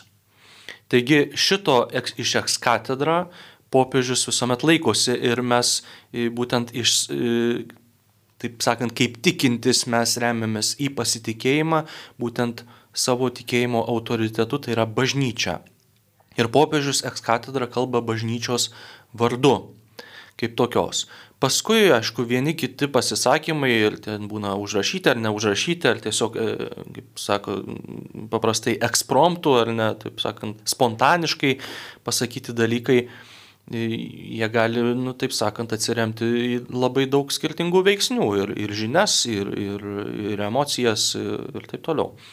Taigi popiežių mes remiamės kaip autoritetą būtent tikėjimo moralės klausimais kalbantį ekskatedrą, bažnyčios vardu. Ir taip pat mes matome jį kalbantį kaip pat būtent žmogų su savo, su savo, nu, savo silpnumu, galėtume sakyti. Taip, ir čia yra dar keletas tokių svarbių momentų. Tai visų pirma, kad popiežius palaiko bažnyčios vienybę ir tose klausimuose, kurie yra, nu, kaip aš sakau, arba žalia, raudona, taip ar e, šeima e, sprendžia, ar pirkti žalias užuolaidas ar raudonas ir, e, nu, vis tiek kažkas turi nusileisti, taip, dėl tos vienybės, kad būtų šeimoje vienybė. Tai vad, popiežius, jisai padeda išlaikyti vienybę, ne, veltui ir Jėzus kalbėjo, kad sako, tu esi Petro suola, ant tos suolos aš pastatysiu bažnyčią ir pragaro vartai jos nenugalės. Žinom, šetonas yra diabolos skaldytojas. Ir tą patį pastebėm ir protestantiškose bažnyčiose, jos neturėdamos popiežiaus, jos suskilo ir tebeskyla į tūkstančius smulkių bendruomenių, kurios tarpusavyje ne, nesutarė kartais, nesusitarė. Ir todėl mums tiesiog, na, yra, nu, elementarus pavyzdys choro vadovas, pavyzdžiui, tarkim, choriai yra daug balsų, bet jeigu nebūtų choro vadovo ir dirigento, tai būtų kažkokia kakofonija. Taigi, popiežius yra būtinas dabar antras dalykas, e, kaip mes jo klausome, taip, ar mes turime tokį vaikišką nebrandų klusnumą, kuris yra toks, nu, e, kaip sakyti, toks aklas klusnumas, ar mes bandom įsiklausyti, ką popiežius nori pasakyti. Nu, pavyzdžiui, kai jisai, tarkime, ieško dialogą su, pavyzdžiui, LGBT bendruomenės žmonėmis, tai jisai nenori pasakyti, kad mes sakytume, kad e, e, homoseksualizmas nėra nuodėmė, čia jūs darykit, laiminkit ir visa kita, bet jis tiesiog nori pasakyti, kad mes neturėtume vengti neapykantos ir ieškoti dialogą ir mylėti visus žmonės. Nu, tai yra evangelinis mokymas. Arba, pavyzdžiui, kai jis kalba apie migrantus, kad, nu, tai irgi yra evangelinis mokymas, e, visa Biblija kalba apie tai, kad svetimtaučius reikia svetingai priimti. Ir, ir kitus dalykus. Taigi mes turime atsižvelgti į tą dvasę, į kokį principą popiežius pasako, o tą principą mes galim pritaikyti kūrybiškai savaip, neklai. Ir jo kaip neklaidingumo dogma. Dar kitas dalykas buvo paskelbta jau pirmo Vatikano susirinkimo metu, tokia dogminė, dogminė konstitucija Pastor Eternus.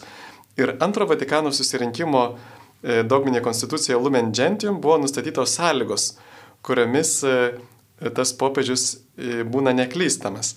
Tai ir ten yra tokie žodžiai Romos vyskupas, viskupų kolegijos vyriausiasis vadovas, čia vėl tas žodis kolegija, kad jis įsprendžia ne pats, bet E, bendrystėje su kitais viskupais, su jais tardamasis, esti neklaidingas, kai vykdydamas savo pareigas, kaip aukščiausias visų krikščionių ganytojas ir mokytojas, stiprinantis savo brolių tikėjimą, skelbia galutinę kurią nors tikėjimo arba doros tiesą. Taigi tik tai tikėjimo arba doros atvejais. Ir paprastai sutarėme, kad yra bent jau va, tokie trys e, dalykai. Tai yra e, nekaltojo Marijos prasidėjimo dogma, Marijos ėmimo į dangų dogma ir šventųjų kanonizavimas. Taigi netaip jau ir dažnai, o kitais atvejais jisai sako kaip savo nuomonę, kurią mes turime atsižvelgti, bet kurios neturime aklai klausyti. Taip turime toliau. Žinučių. Atsiuntė SMS žinutę. Aš atsiprašau, dar norėjau dar pasakyti vieną tą svarbų dalyką apie popiežiaus pasisakymą, pavyzdžiui, apie Rusiją irgi.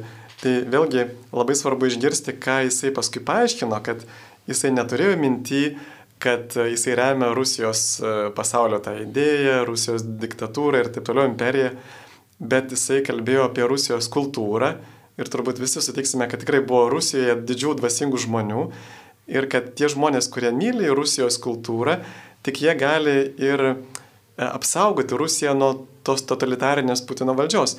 Taigi jisai visai nepalaikė diktatūros, bet jisai E, na, vėlgi kaip geras ganytojas, o ne politikas, jisai skelb, nu, bando parodyti tai, kas yra gera Rusijoje, į ką atsiremdami žmonės galėtų kurti štai tą naują kultūrą. Taigi vėl čia nereikėtų užsikimšti ausų ir rėkti, bet, bet išgirsti, ką popiežius, kaip jisai tikrai protingai paaiškina tai, ką norėjo pasakyti. Rimas atsiuntė žinutę kla su klausimu, kokią didžiausią atgailą jūs kunigai skiriate po išpažinties. Na, vadovėlių nėra kaip tokių, kuomet skiriamos konkrečios atgailos už tokias ir tokias nuodėmės. Kiekvienas kunigas vis tiek jisai klausydamasis to žmogaus, klausydamasis jo ir to nuoširdumo ir, ir kaip jisai atlieka išpažinti, jisai jau, jau turi tarsi tokią įžvalgą, vad būtent kiek tas žmogus atėjęs jau yra tos atgailos, žinai, kiek jis jau atlikęs ir, iš tikrųjų vat, būtent labai daug remiasi būtent į tą būtent kunigo išvalgumą, kad nebūtinai, žinai, ten pamelavau kaiminkai ir čia bus dabar trys rožančiai. Jeigu kaimy, šitą atėjo kažkas ir sako, pamelavau kaiminkai ir aš toliau meluosiu, žinai, nu tai melskis turus rožančius, tikrai, supranti. Ir negausi išrišimo. Ir negausi išrišimo, nes visų pirma, tu dar žadi toliau kartoti šitą nuodėmę. Tai Tiesiog, e, vat, būtent e, aš kokią atgailą skiriu kartais žmonėm, kuriems atrodo tikrai reikia, žinai, to tokio, tokio sugrūdimo širdies, tai mano mylimiausia yra Kristaus kraujo litanija. Būtent, kuri ir yra žinoma kaip ta, vat, būtent širdis plaunanti e, litanija. Taip sakant, bet visokiausias tas atgailas skiriame žmonėms išpažinties metu. Taip ir aš asmeniškai irgi kartais e, žvelgiu ne į tai, kokia yra nuodėmė, koks nuodėmės didumas, bet ko tam žmogui reikėtų, kad jis galėtų atžengti vieną laiptelį toliau. pavyzdžiui, jeigu jaučiu tam tikrą drungnumą, tai va ir duodu, kad yra už mažas nuodėmės rožiniai, nu, kad šiek tiek tą drungnumą pramuštų arba, pavyzdžiui, gal jam kažko tai trūksta, na, pavyzdžiui, galbūt galėtų kitos išpažinties šventą raštą kasdien paskaityti. Ir tai ne ta prasme kaip bausmė, bet kaip ūkdymas. Ir taip pat vat, pastebiu, kad kada žmonės tikrai ateina nu, nusižeminę, gailėsi, išpažįsta nuodėmės, nuoširdžiai pasiruošia, na, man atrodo, kad tikrai niekada nekyla nei vienam kunigui tokia pagunda tada kažkaip tai vat, piktai ar griežtai kalbėti, bet dažniausiai griežtai kalbi su tais, kurie ateina nepasiruošę, kurie sako, kad aš jau prieš metus buvau ir nuodėmę nedarau, na, toksai tam tikras dvasinis aklumas, apsileidimas, na, tada kyla pagunda šiek tiek gal išbarti ar kažkaip tai, na, aišku, ir to nereikėtų daryti. Bet jeigu mes gerai pasiruošėm išpažinti, jeigu esame atviri, Tai va, per tokias atgilas kunigas irgi gali vykdyti tam tikrą dvasinį palidėjimą.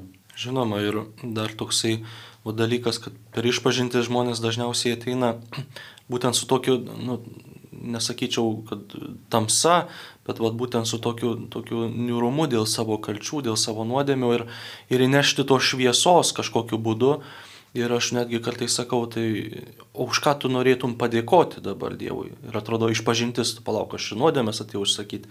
Išpažintis tai yra išsakymas ir netgi išsakymas to, ką Dievas daro tavo gyvenime, tos šviesos. Ir iš tikrųjų kartais labiausiai prakalbina žmonės būtent tie momentai, kai sakai, už ką nori padėkoti Dievui šiandien. Ir netgi konkrečiai nurodo, dabar penkis dalykus sugalvoju, iš kuriuos noriu padėkoti Dievui ir pasimeldyti tėvę mūsų maldą. Na tiesiog, va tokie, vis tiek, tai yra irgi dvasinio palidėjimo būdas išpažintis kuomet irgi ieškai Dievo valios to žmogaus gyvenime ir kaip tą galėtum vat, būtent prakalbinti jį, kad jisai būtų atviras, taptų atviras tai, tam Dievo kalbėjimui jo širdžiai. Aš irgi stengdavausi nežiūrėti į žmogų, kuris ateina, na, kad gatvėje sutikęs net pažinčiau, bet iš balso vis tiek atpažįsti, jeigu tai yra tavo parapijėtis ir kartais tikrai gali prisiminti, kur baigėme praeitą kartą, kur gali toliau vesti, galbūt kokią atgilą praeitą kartą davėjai.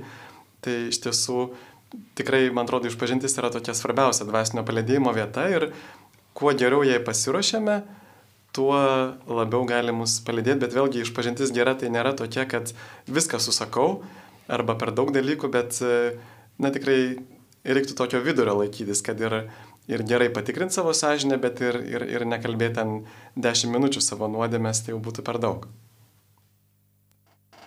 Tomas atsiuntė klausimą. Kasdien kyla klausimas Dievo valia ir mano apsisprendimai, kaip atskirti, kada renkuosi pagal Dievo valią, o kada savivaliauju.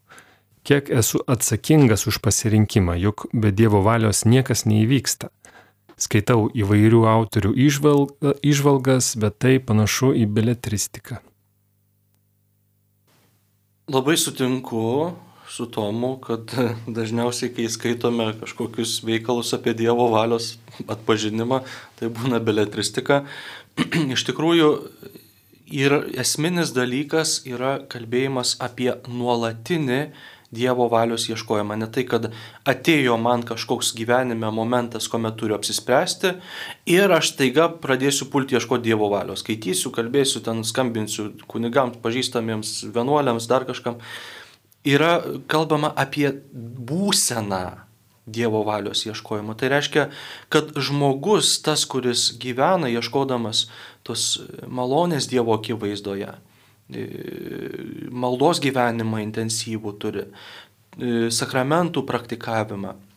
Ta prasme, tas, kuris gyvena tikrai tikėjimo gyvenimą iš esmės, Dievas jį ir atveda prie tų sprendimų, kuriuos aš turiu priimti pagal jo valią. Ir yra didžiausias, vad būtent pavojus ir kuomet, vad būtent reikalingiausia kreiptis patarimo, Visuomet reikia kreiptis patarimo, bet e, kai, kad išvengti pavojus yra būtent tos akimirkos, kad vat, atėjo gyvenime momentas, turiu apsispręsti, nu ir dabar aš svarstysiu, kur čia Dievo valia, kur čia mano valia. Ir toks širdis tampa tarsi kovos lauku, ar ne, tarp mano valios ir Dievo valios. Iš tikrųjų, jeigu aš tikrai gyvenu savo tikėjimo gyvenimą iš esmės, ta prasme, dvasioje, Dievo dvasioje, iškart matau, kad e, yra tarsi atitikimas arba kryptingumas mano valios į tai, kas yra gėris pagal Dievą. Aišku, vėlgi gali skambėti, skambėti labai abstrakčiai, bet aš pats kaip tikinti žmogus, dar prieš stojant į vienuolyną, vat būtent e, turėjau šitą vat būtent troškimą nuolat, nuolat gyventi Dievo akivaizdoje ir maldoje ir taip toliau. Ir, ir vat būtent ramybė, kuri ateina e, pasirenkant, e, jinai būtent ateina iš to, iš to pagrindo, kurį aš nešioju. Tai reiškia tos nuolatinės būsenos siekimas, ramybės būsenos siekimas ir atpažįsti vat, būtent sprendimo metu, iš kur pradeda įti ramybė. Iš kur būtent ar tame sprendime Dievas man siunčia ramybę. Ir jeigu yra neramybės momentas, ypatingai e, e, reikia išbūti. Visuomet išbūti. Niekuomet nepriiminėkite sprendimų e, kažkokių, netgi tai būtų skubus ir, ir staigiai čia reikia priimti, neišnešiojus.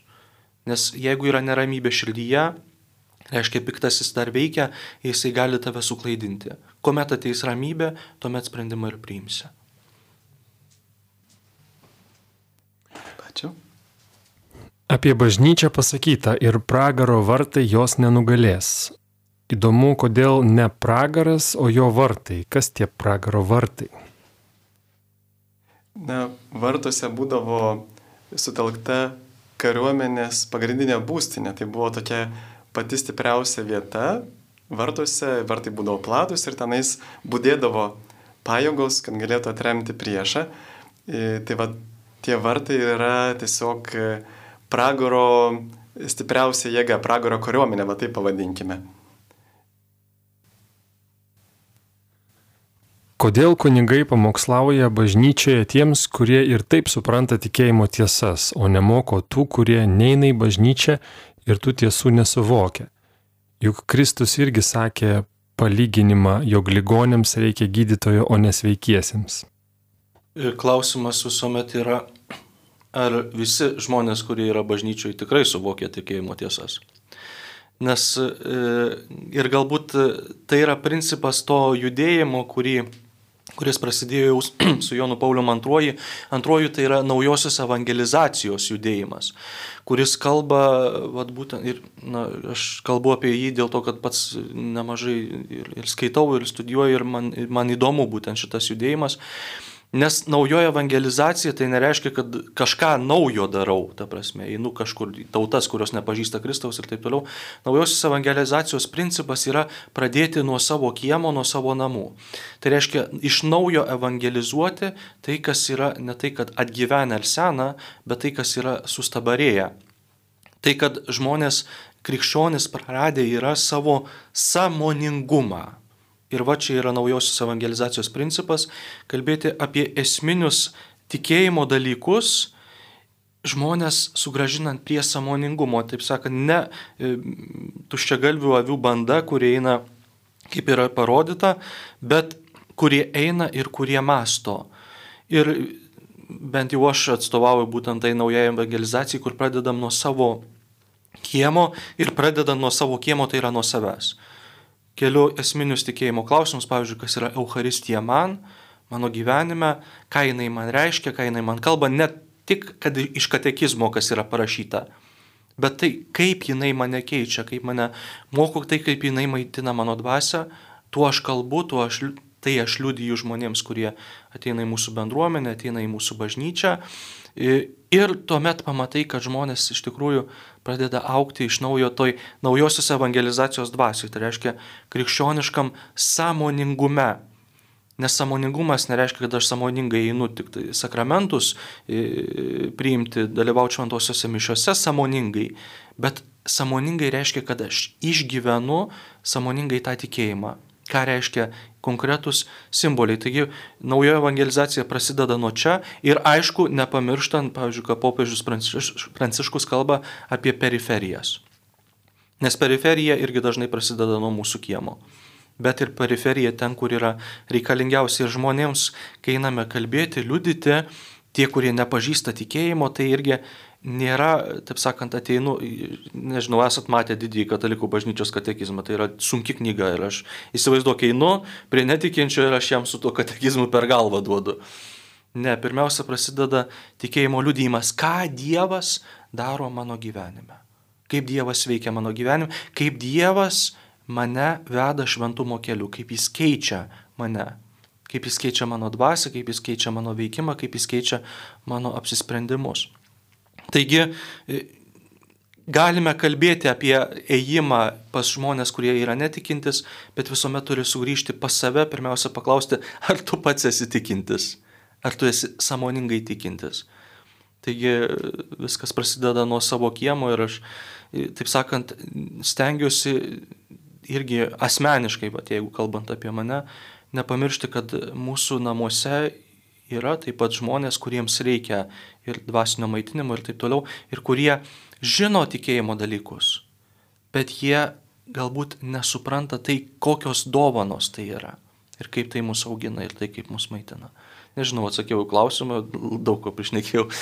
Taip, ir dar galim prisiminti, kad yra tie žodžiai mišių pabaigoje, latiniškai būdavo itemisa est, mes sakom mišios baigtos, bet iš tikrųjų tai yra, eikite, tai yra misija, tai yra siuntimas. Ir mes todėl ir susirinkame mišes, kad Kristus mus pamaitintų savo širdimi per kunigą. Ir per kunigą mes įsidedam Jėzaus širdį į savo širdį ir jį gyvą išnešam į pasaulį. Ir kunigas tikrai negali prieiti į jūsų šeimas, į darbovietės. Va kaip tik čia yra bažnyčios kaip, e, kaip viso Kristaus kūno misija, kad mes visi kartu neštume Kristų kaip vienas kūnas. Tai nėra tik tai, kad maždaug tik tai kunigų profesija skelbti Evangeliją, bet būtent pasauliečiai yra pašaukti visų pirma liudyti savo gyvenimu, O jeigu pavyksta, tai tada žmonės ir paklausia, o iš, iš kur tu turi tos ramybės, džiaugsmo, kaip to pavyksta nesupykti, būti kantram, tada gali liudyti apie Kristų. Taip turim skambutį. Valė iš šakių. Taip, Valė, klausome. Labai noriu sužinoti, kada būna žydų Velykos. Žydų Velykos paska ir būna irgi e, panašiai,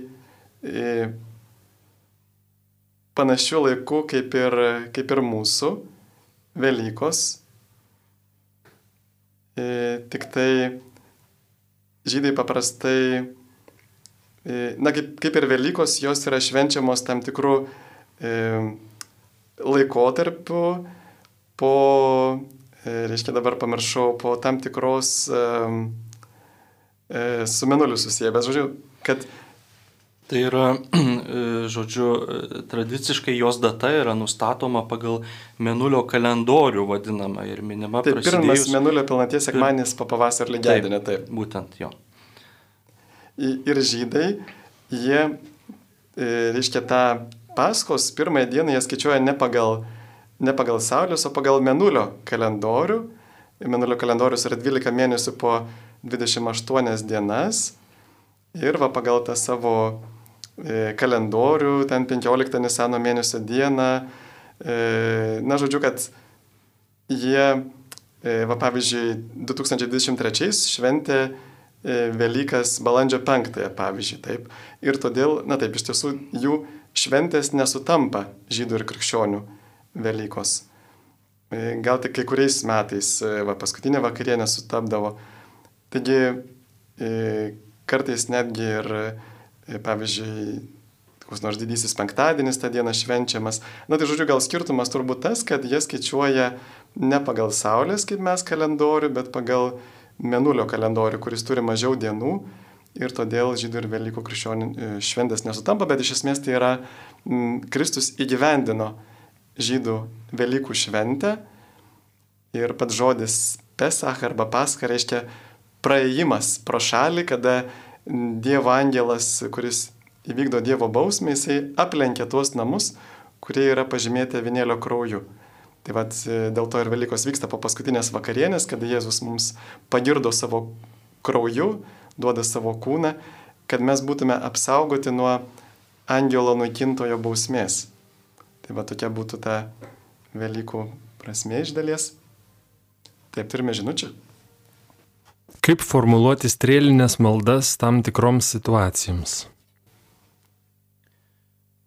Strėlinių maldų tradicija kaip tokia jinai yra labai senai datuojama jau nuo 4-5 amžiaus, ypatingai ją išplėtojo toksai Evagrijus Pontietis, kuris parašė, ko gero, garsiausią veikalą apie strėlinės maldas, tai yra Antierezis.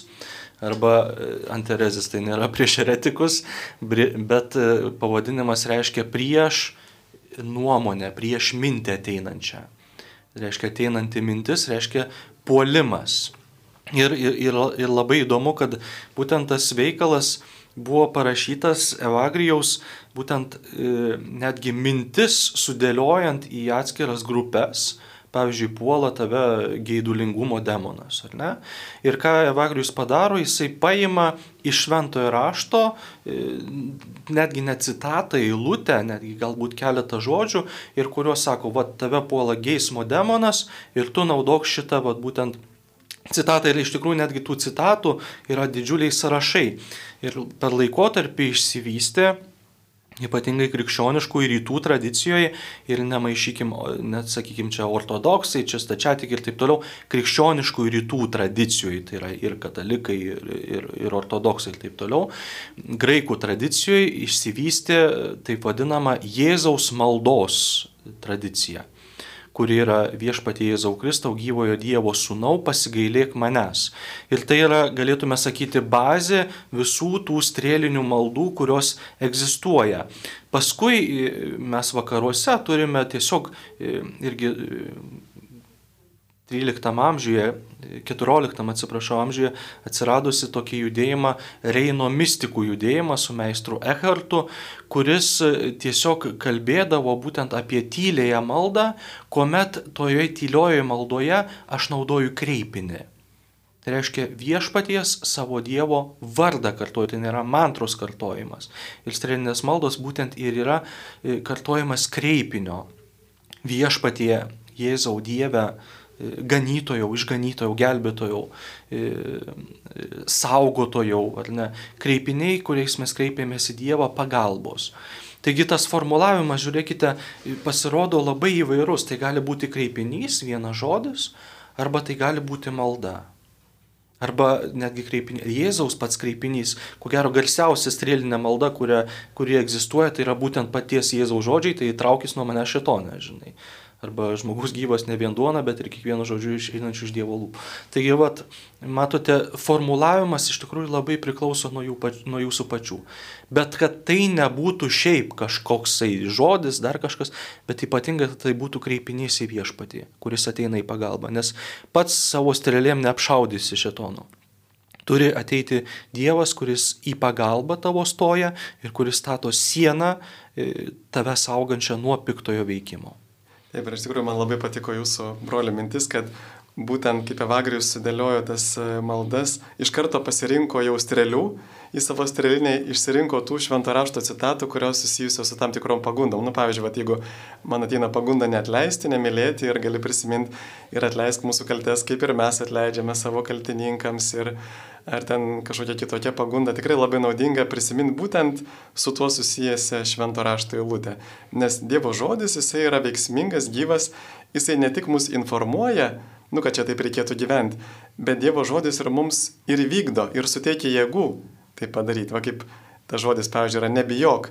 Tai kai mes paskaitome žodį nebijok, Dievas ne tik man liepia nebijoti, bet ir duoda malonę nebijoti. Taip turime žinučių. Kas atsitiks su žmonėmis, kurie per visą gyvenimą nesidomėjo religijomis ir pragyveno laimingai iki vėlyvos senatvės? Ką reiškia laimingai pragyveno, čia irgi klausimas. Nes tas laimingas irgi šiandienos suvokime, ar net, kad turi turto, žinai, daug pasisi, pasiekė savo gyvenime, ar laimingas jisai buvo būtent, kai kalbame apie ramę sąžinę. Ir labai įdomu, kad jau antram amžiuje aš vėl kalbu iš patrologo pusės, šventasis Justinas, toksai filosofas, kankinys, jisai kalbėjo būtent apie žmonės, kurie yra e, tarsi nepažinę tikėjimo. Šiandien labai e, retas žmogus, kuris, pavyzdžiui, nežino Kristaus vardo, bet ta prasme kalbama apie tikėjimo pažinimą nepažino tikėjimo, bet gyveno pagal sąžinę, mylėjo artimą, ir, ir, ir iš tikrųjų stengiasi daryti gerus darbus. Ir Justinas sako, kad tokie žmonės, jie turi galimybę patekti į dangaus karalystę, nes jie veikia pagal Dievo paveikslą esantį juose. Ir Dievo paveikslas įrašytas būtent ir yra žmoguje daryti gerą. E, taigi, kaip žmonės šiandien gali būti nepažinstantis tikėjimo irgi žinote, viskas egzistuoja jau daugybę šimtų ir netgi tūkstančių metų, kuomet žmonės vadina save tikinčiaisiais, bet papiktina kitus, atitraukia nuo tikėjimo. Taigi, bet jeigu žmogus tengiasi priimti, reiškia gyventi pagal sąžinę ir gyventi mylėdamas artimą, mylėdamas nu, tiesiog vat, gėri savo gyvenime, jisai gali būti, kaip vat, Justinas sako, kaip Karlas Raneris sako, gali būti vadinamas anoniminiu krikščioniu. Bet jeigu šitas žmogus yra sutikęs Kristų ir jį samoningai atmetęs, ne dėl kažkokių ten žmonių papiktinimų ir taip toliau, bet tiesiog piktavališkai atmetęs, sakoma, nu, va, tiesiog, kad dangaus karalystės vartai jam bus uždaryti, nes jisai nepriėmė šitos žinios, kuri buvo gėrio žinia jam. Taip, ir mes dažnai iškeičiam kaip Ezavas pirmagimystė iškeitė į lėkštę lešius ribos, tai mes irgi dažnai iškeičiame Kristų dėl tikėjimo stokos, draugystės su jos stokos į kažkokį tai trumpalaikį, pavyzdžiui, malonumą, kažkokią nuodėmę ir tikrai su nuodėmė niekas negali būti laimingas. O vad užduosiu tokį klausimą iš patrologijos ryties, ar bažnyčios tėvai, ar buvo tokių bažnyčios tėvų, kurie abejojo tikrų Jėzos buvimo Euharistijoje, jeigu taip žvelgiant į jų visumą? E, visų pirma, kai kalbame apie Euharistiją, e, tai yra, dog, tai yra tikėjimo tiesa, kuri vystėsi per amžius, žinai. Nes nuo pat pirmųjų amžių yra kalbama, kad Euharistija yra tikrai Kristaus kūnas ir kraujas.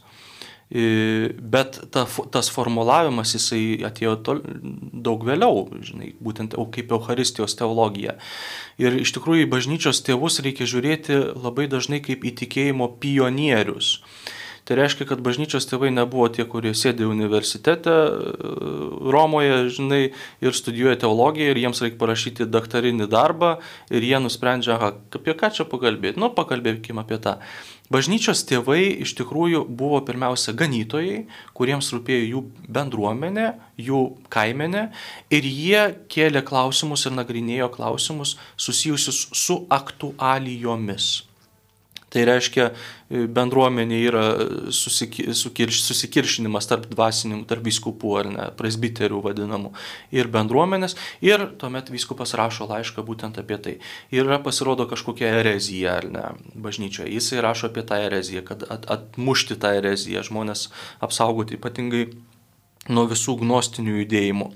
Bet kas yra svarbu, kad jau nuo pirmųjų amžių yra kalbama, kad Kristus tikrai buvo Dievas ir žmogus. Tai reiškia, kad dvasinė realybė yra susijusi su materialia realybė.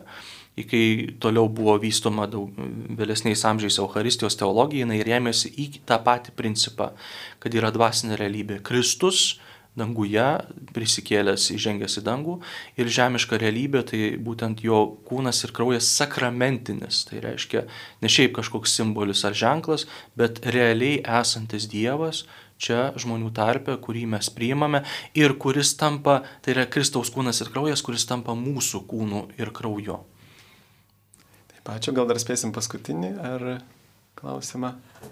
Um, atsiusta žinutė. Jei moteris ir vyras turi krikšto ir pirmos komunijos sutvirtinimo sakramentus, gyvena tik civilinėje santokoje jau 50 metų, ar jie gali eiti iš pažinties, gauti išrišimą, priimti komuniją? Ačiū labai, džiaugiuosi puikia naujo sezono Marijos radio programa, sėkmės ir Dievo palaimos programų direktoriui ir visai komandai, parašė klausytojas ar klausytoja. Žinote, Ačiū. visuomet viskas remiasi vėlgi į bažnyčios mokymą apie tai, kad gyvenimas susidėjus yra nuodėmė. Nes poroje ta pilnatvė, ar ne, poros gyvenimo yra įmanoma tik santokoje. Ta prasme, sakramento kaip pilnatvėje, nes santoka yra sakramentas. Ir be šito sakramento, jeigu yra žmo, vyras ir moteris gyvena kartu, e, tarsi jie trukdo tai malonės pilnatvėjai pasiekti juos. Ir todėl e, sakramentai, nu, sakramentų prieimimas yra nu, negalimas, nes jie jau pažeidė vieną, taip sakant, esminių sakramentų, tai yra santokos sakramentą. Jie neturi šito sakramento. Taip ir galbūt reikėtų paieškoti priežasčių, kodėl, nes jeigu mes na, nepriimam santokos sakramento, dėl to, kad sakom, nu, pavyzdžiui, man nereikia Dievo pagalbos, taip, arba aš čia nelabai tikiu, kad per tos sakramentus Dievas veikia, Na tai iš tikrųjų yra va, tas tikėjimo trūkumas, kuris trukdo Dievui mums padėti veikti mūsų gyvenime, bet gal žmonės tiesiog, nu, tuo metu nepavyko kažkaip nusitęsti ir dabar kažkaip gal nedrįsta, tai tikrai norėčiau padrasinti, nes tikrai būna dažnai, kad vyresnio amžiaus žmonės tiesiog ateina, susitarė ir, na aišku, ten reikėtų tikrai turėti ir tą sutvirtinimo sakramentą, kaip sakote, ir, ir reikia ir, ir kursus šiek tiek perėti, kurie tikrai yra įdomus, labai naudingi padeda sugyventi tarpusavyje, saugo nuo skirybų. Ir tuomet tiesiog ateiti ir kunigas tiesiog va, per vakaro mišes kažkur draugų burelėje gali suteikti santokos sakramentą ir po, po ilgų 50 metų. Tai tikrai patarčiau paraginti. Dar nedrįsti. Toks dalykas, jeigu, vat, kaip jūs irgi prieš tai buvo klausimas ar ne dėl, dėl dėl e, kanoninių kliučių anuliavimui santokų, tai vėlgi jeigu jūs gyvenate po 50 metų dabar kaip brolis ir sesuo, tai, tai neturėtų trukdyti priimti jums šiandien sakramentų. Taip, taip. Tai ką, labai ačiū, kad buvote su mumis. Taip pat ačiū broliui Jokūbui Marijai Goštutui, Dominikonui, kuris tiko ateiti ir dalinti savo brangių laikų išmintimi, kurią tyloje sukaupė, tai ačiū, kad galite pasidalinti. Palaikykite mus malda, dėkojame jums ir gal galėtumėt palaiminti klausytojus. Tai viešpatie laimink visus tuos, kurie kreipiasi į tave, prašydami pagalbos per mergelės Marijos aštarimą. Laimink visus juos, tu kuris esi tėvas, sunus ir šventoji duose. Amen. Sudėjai.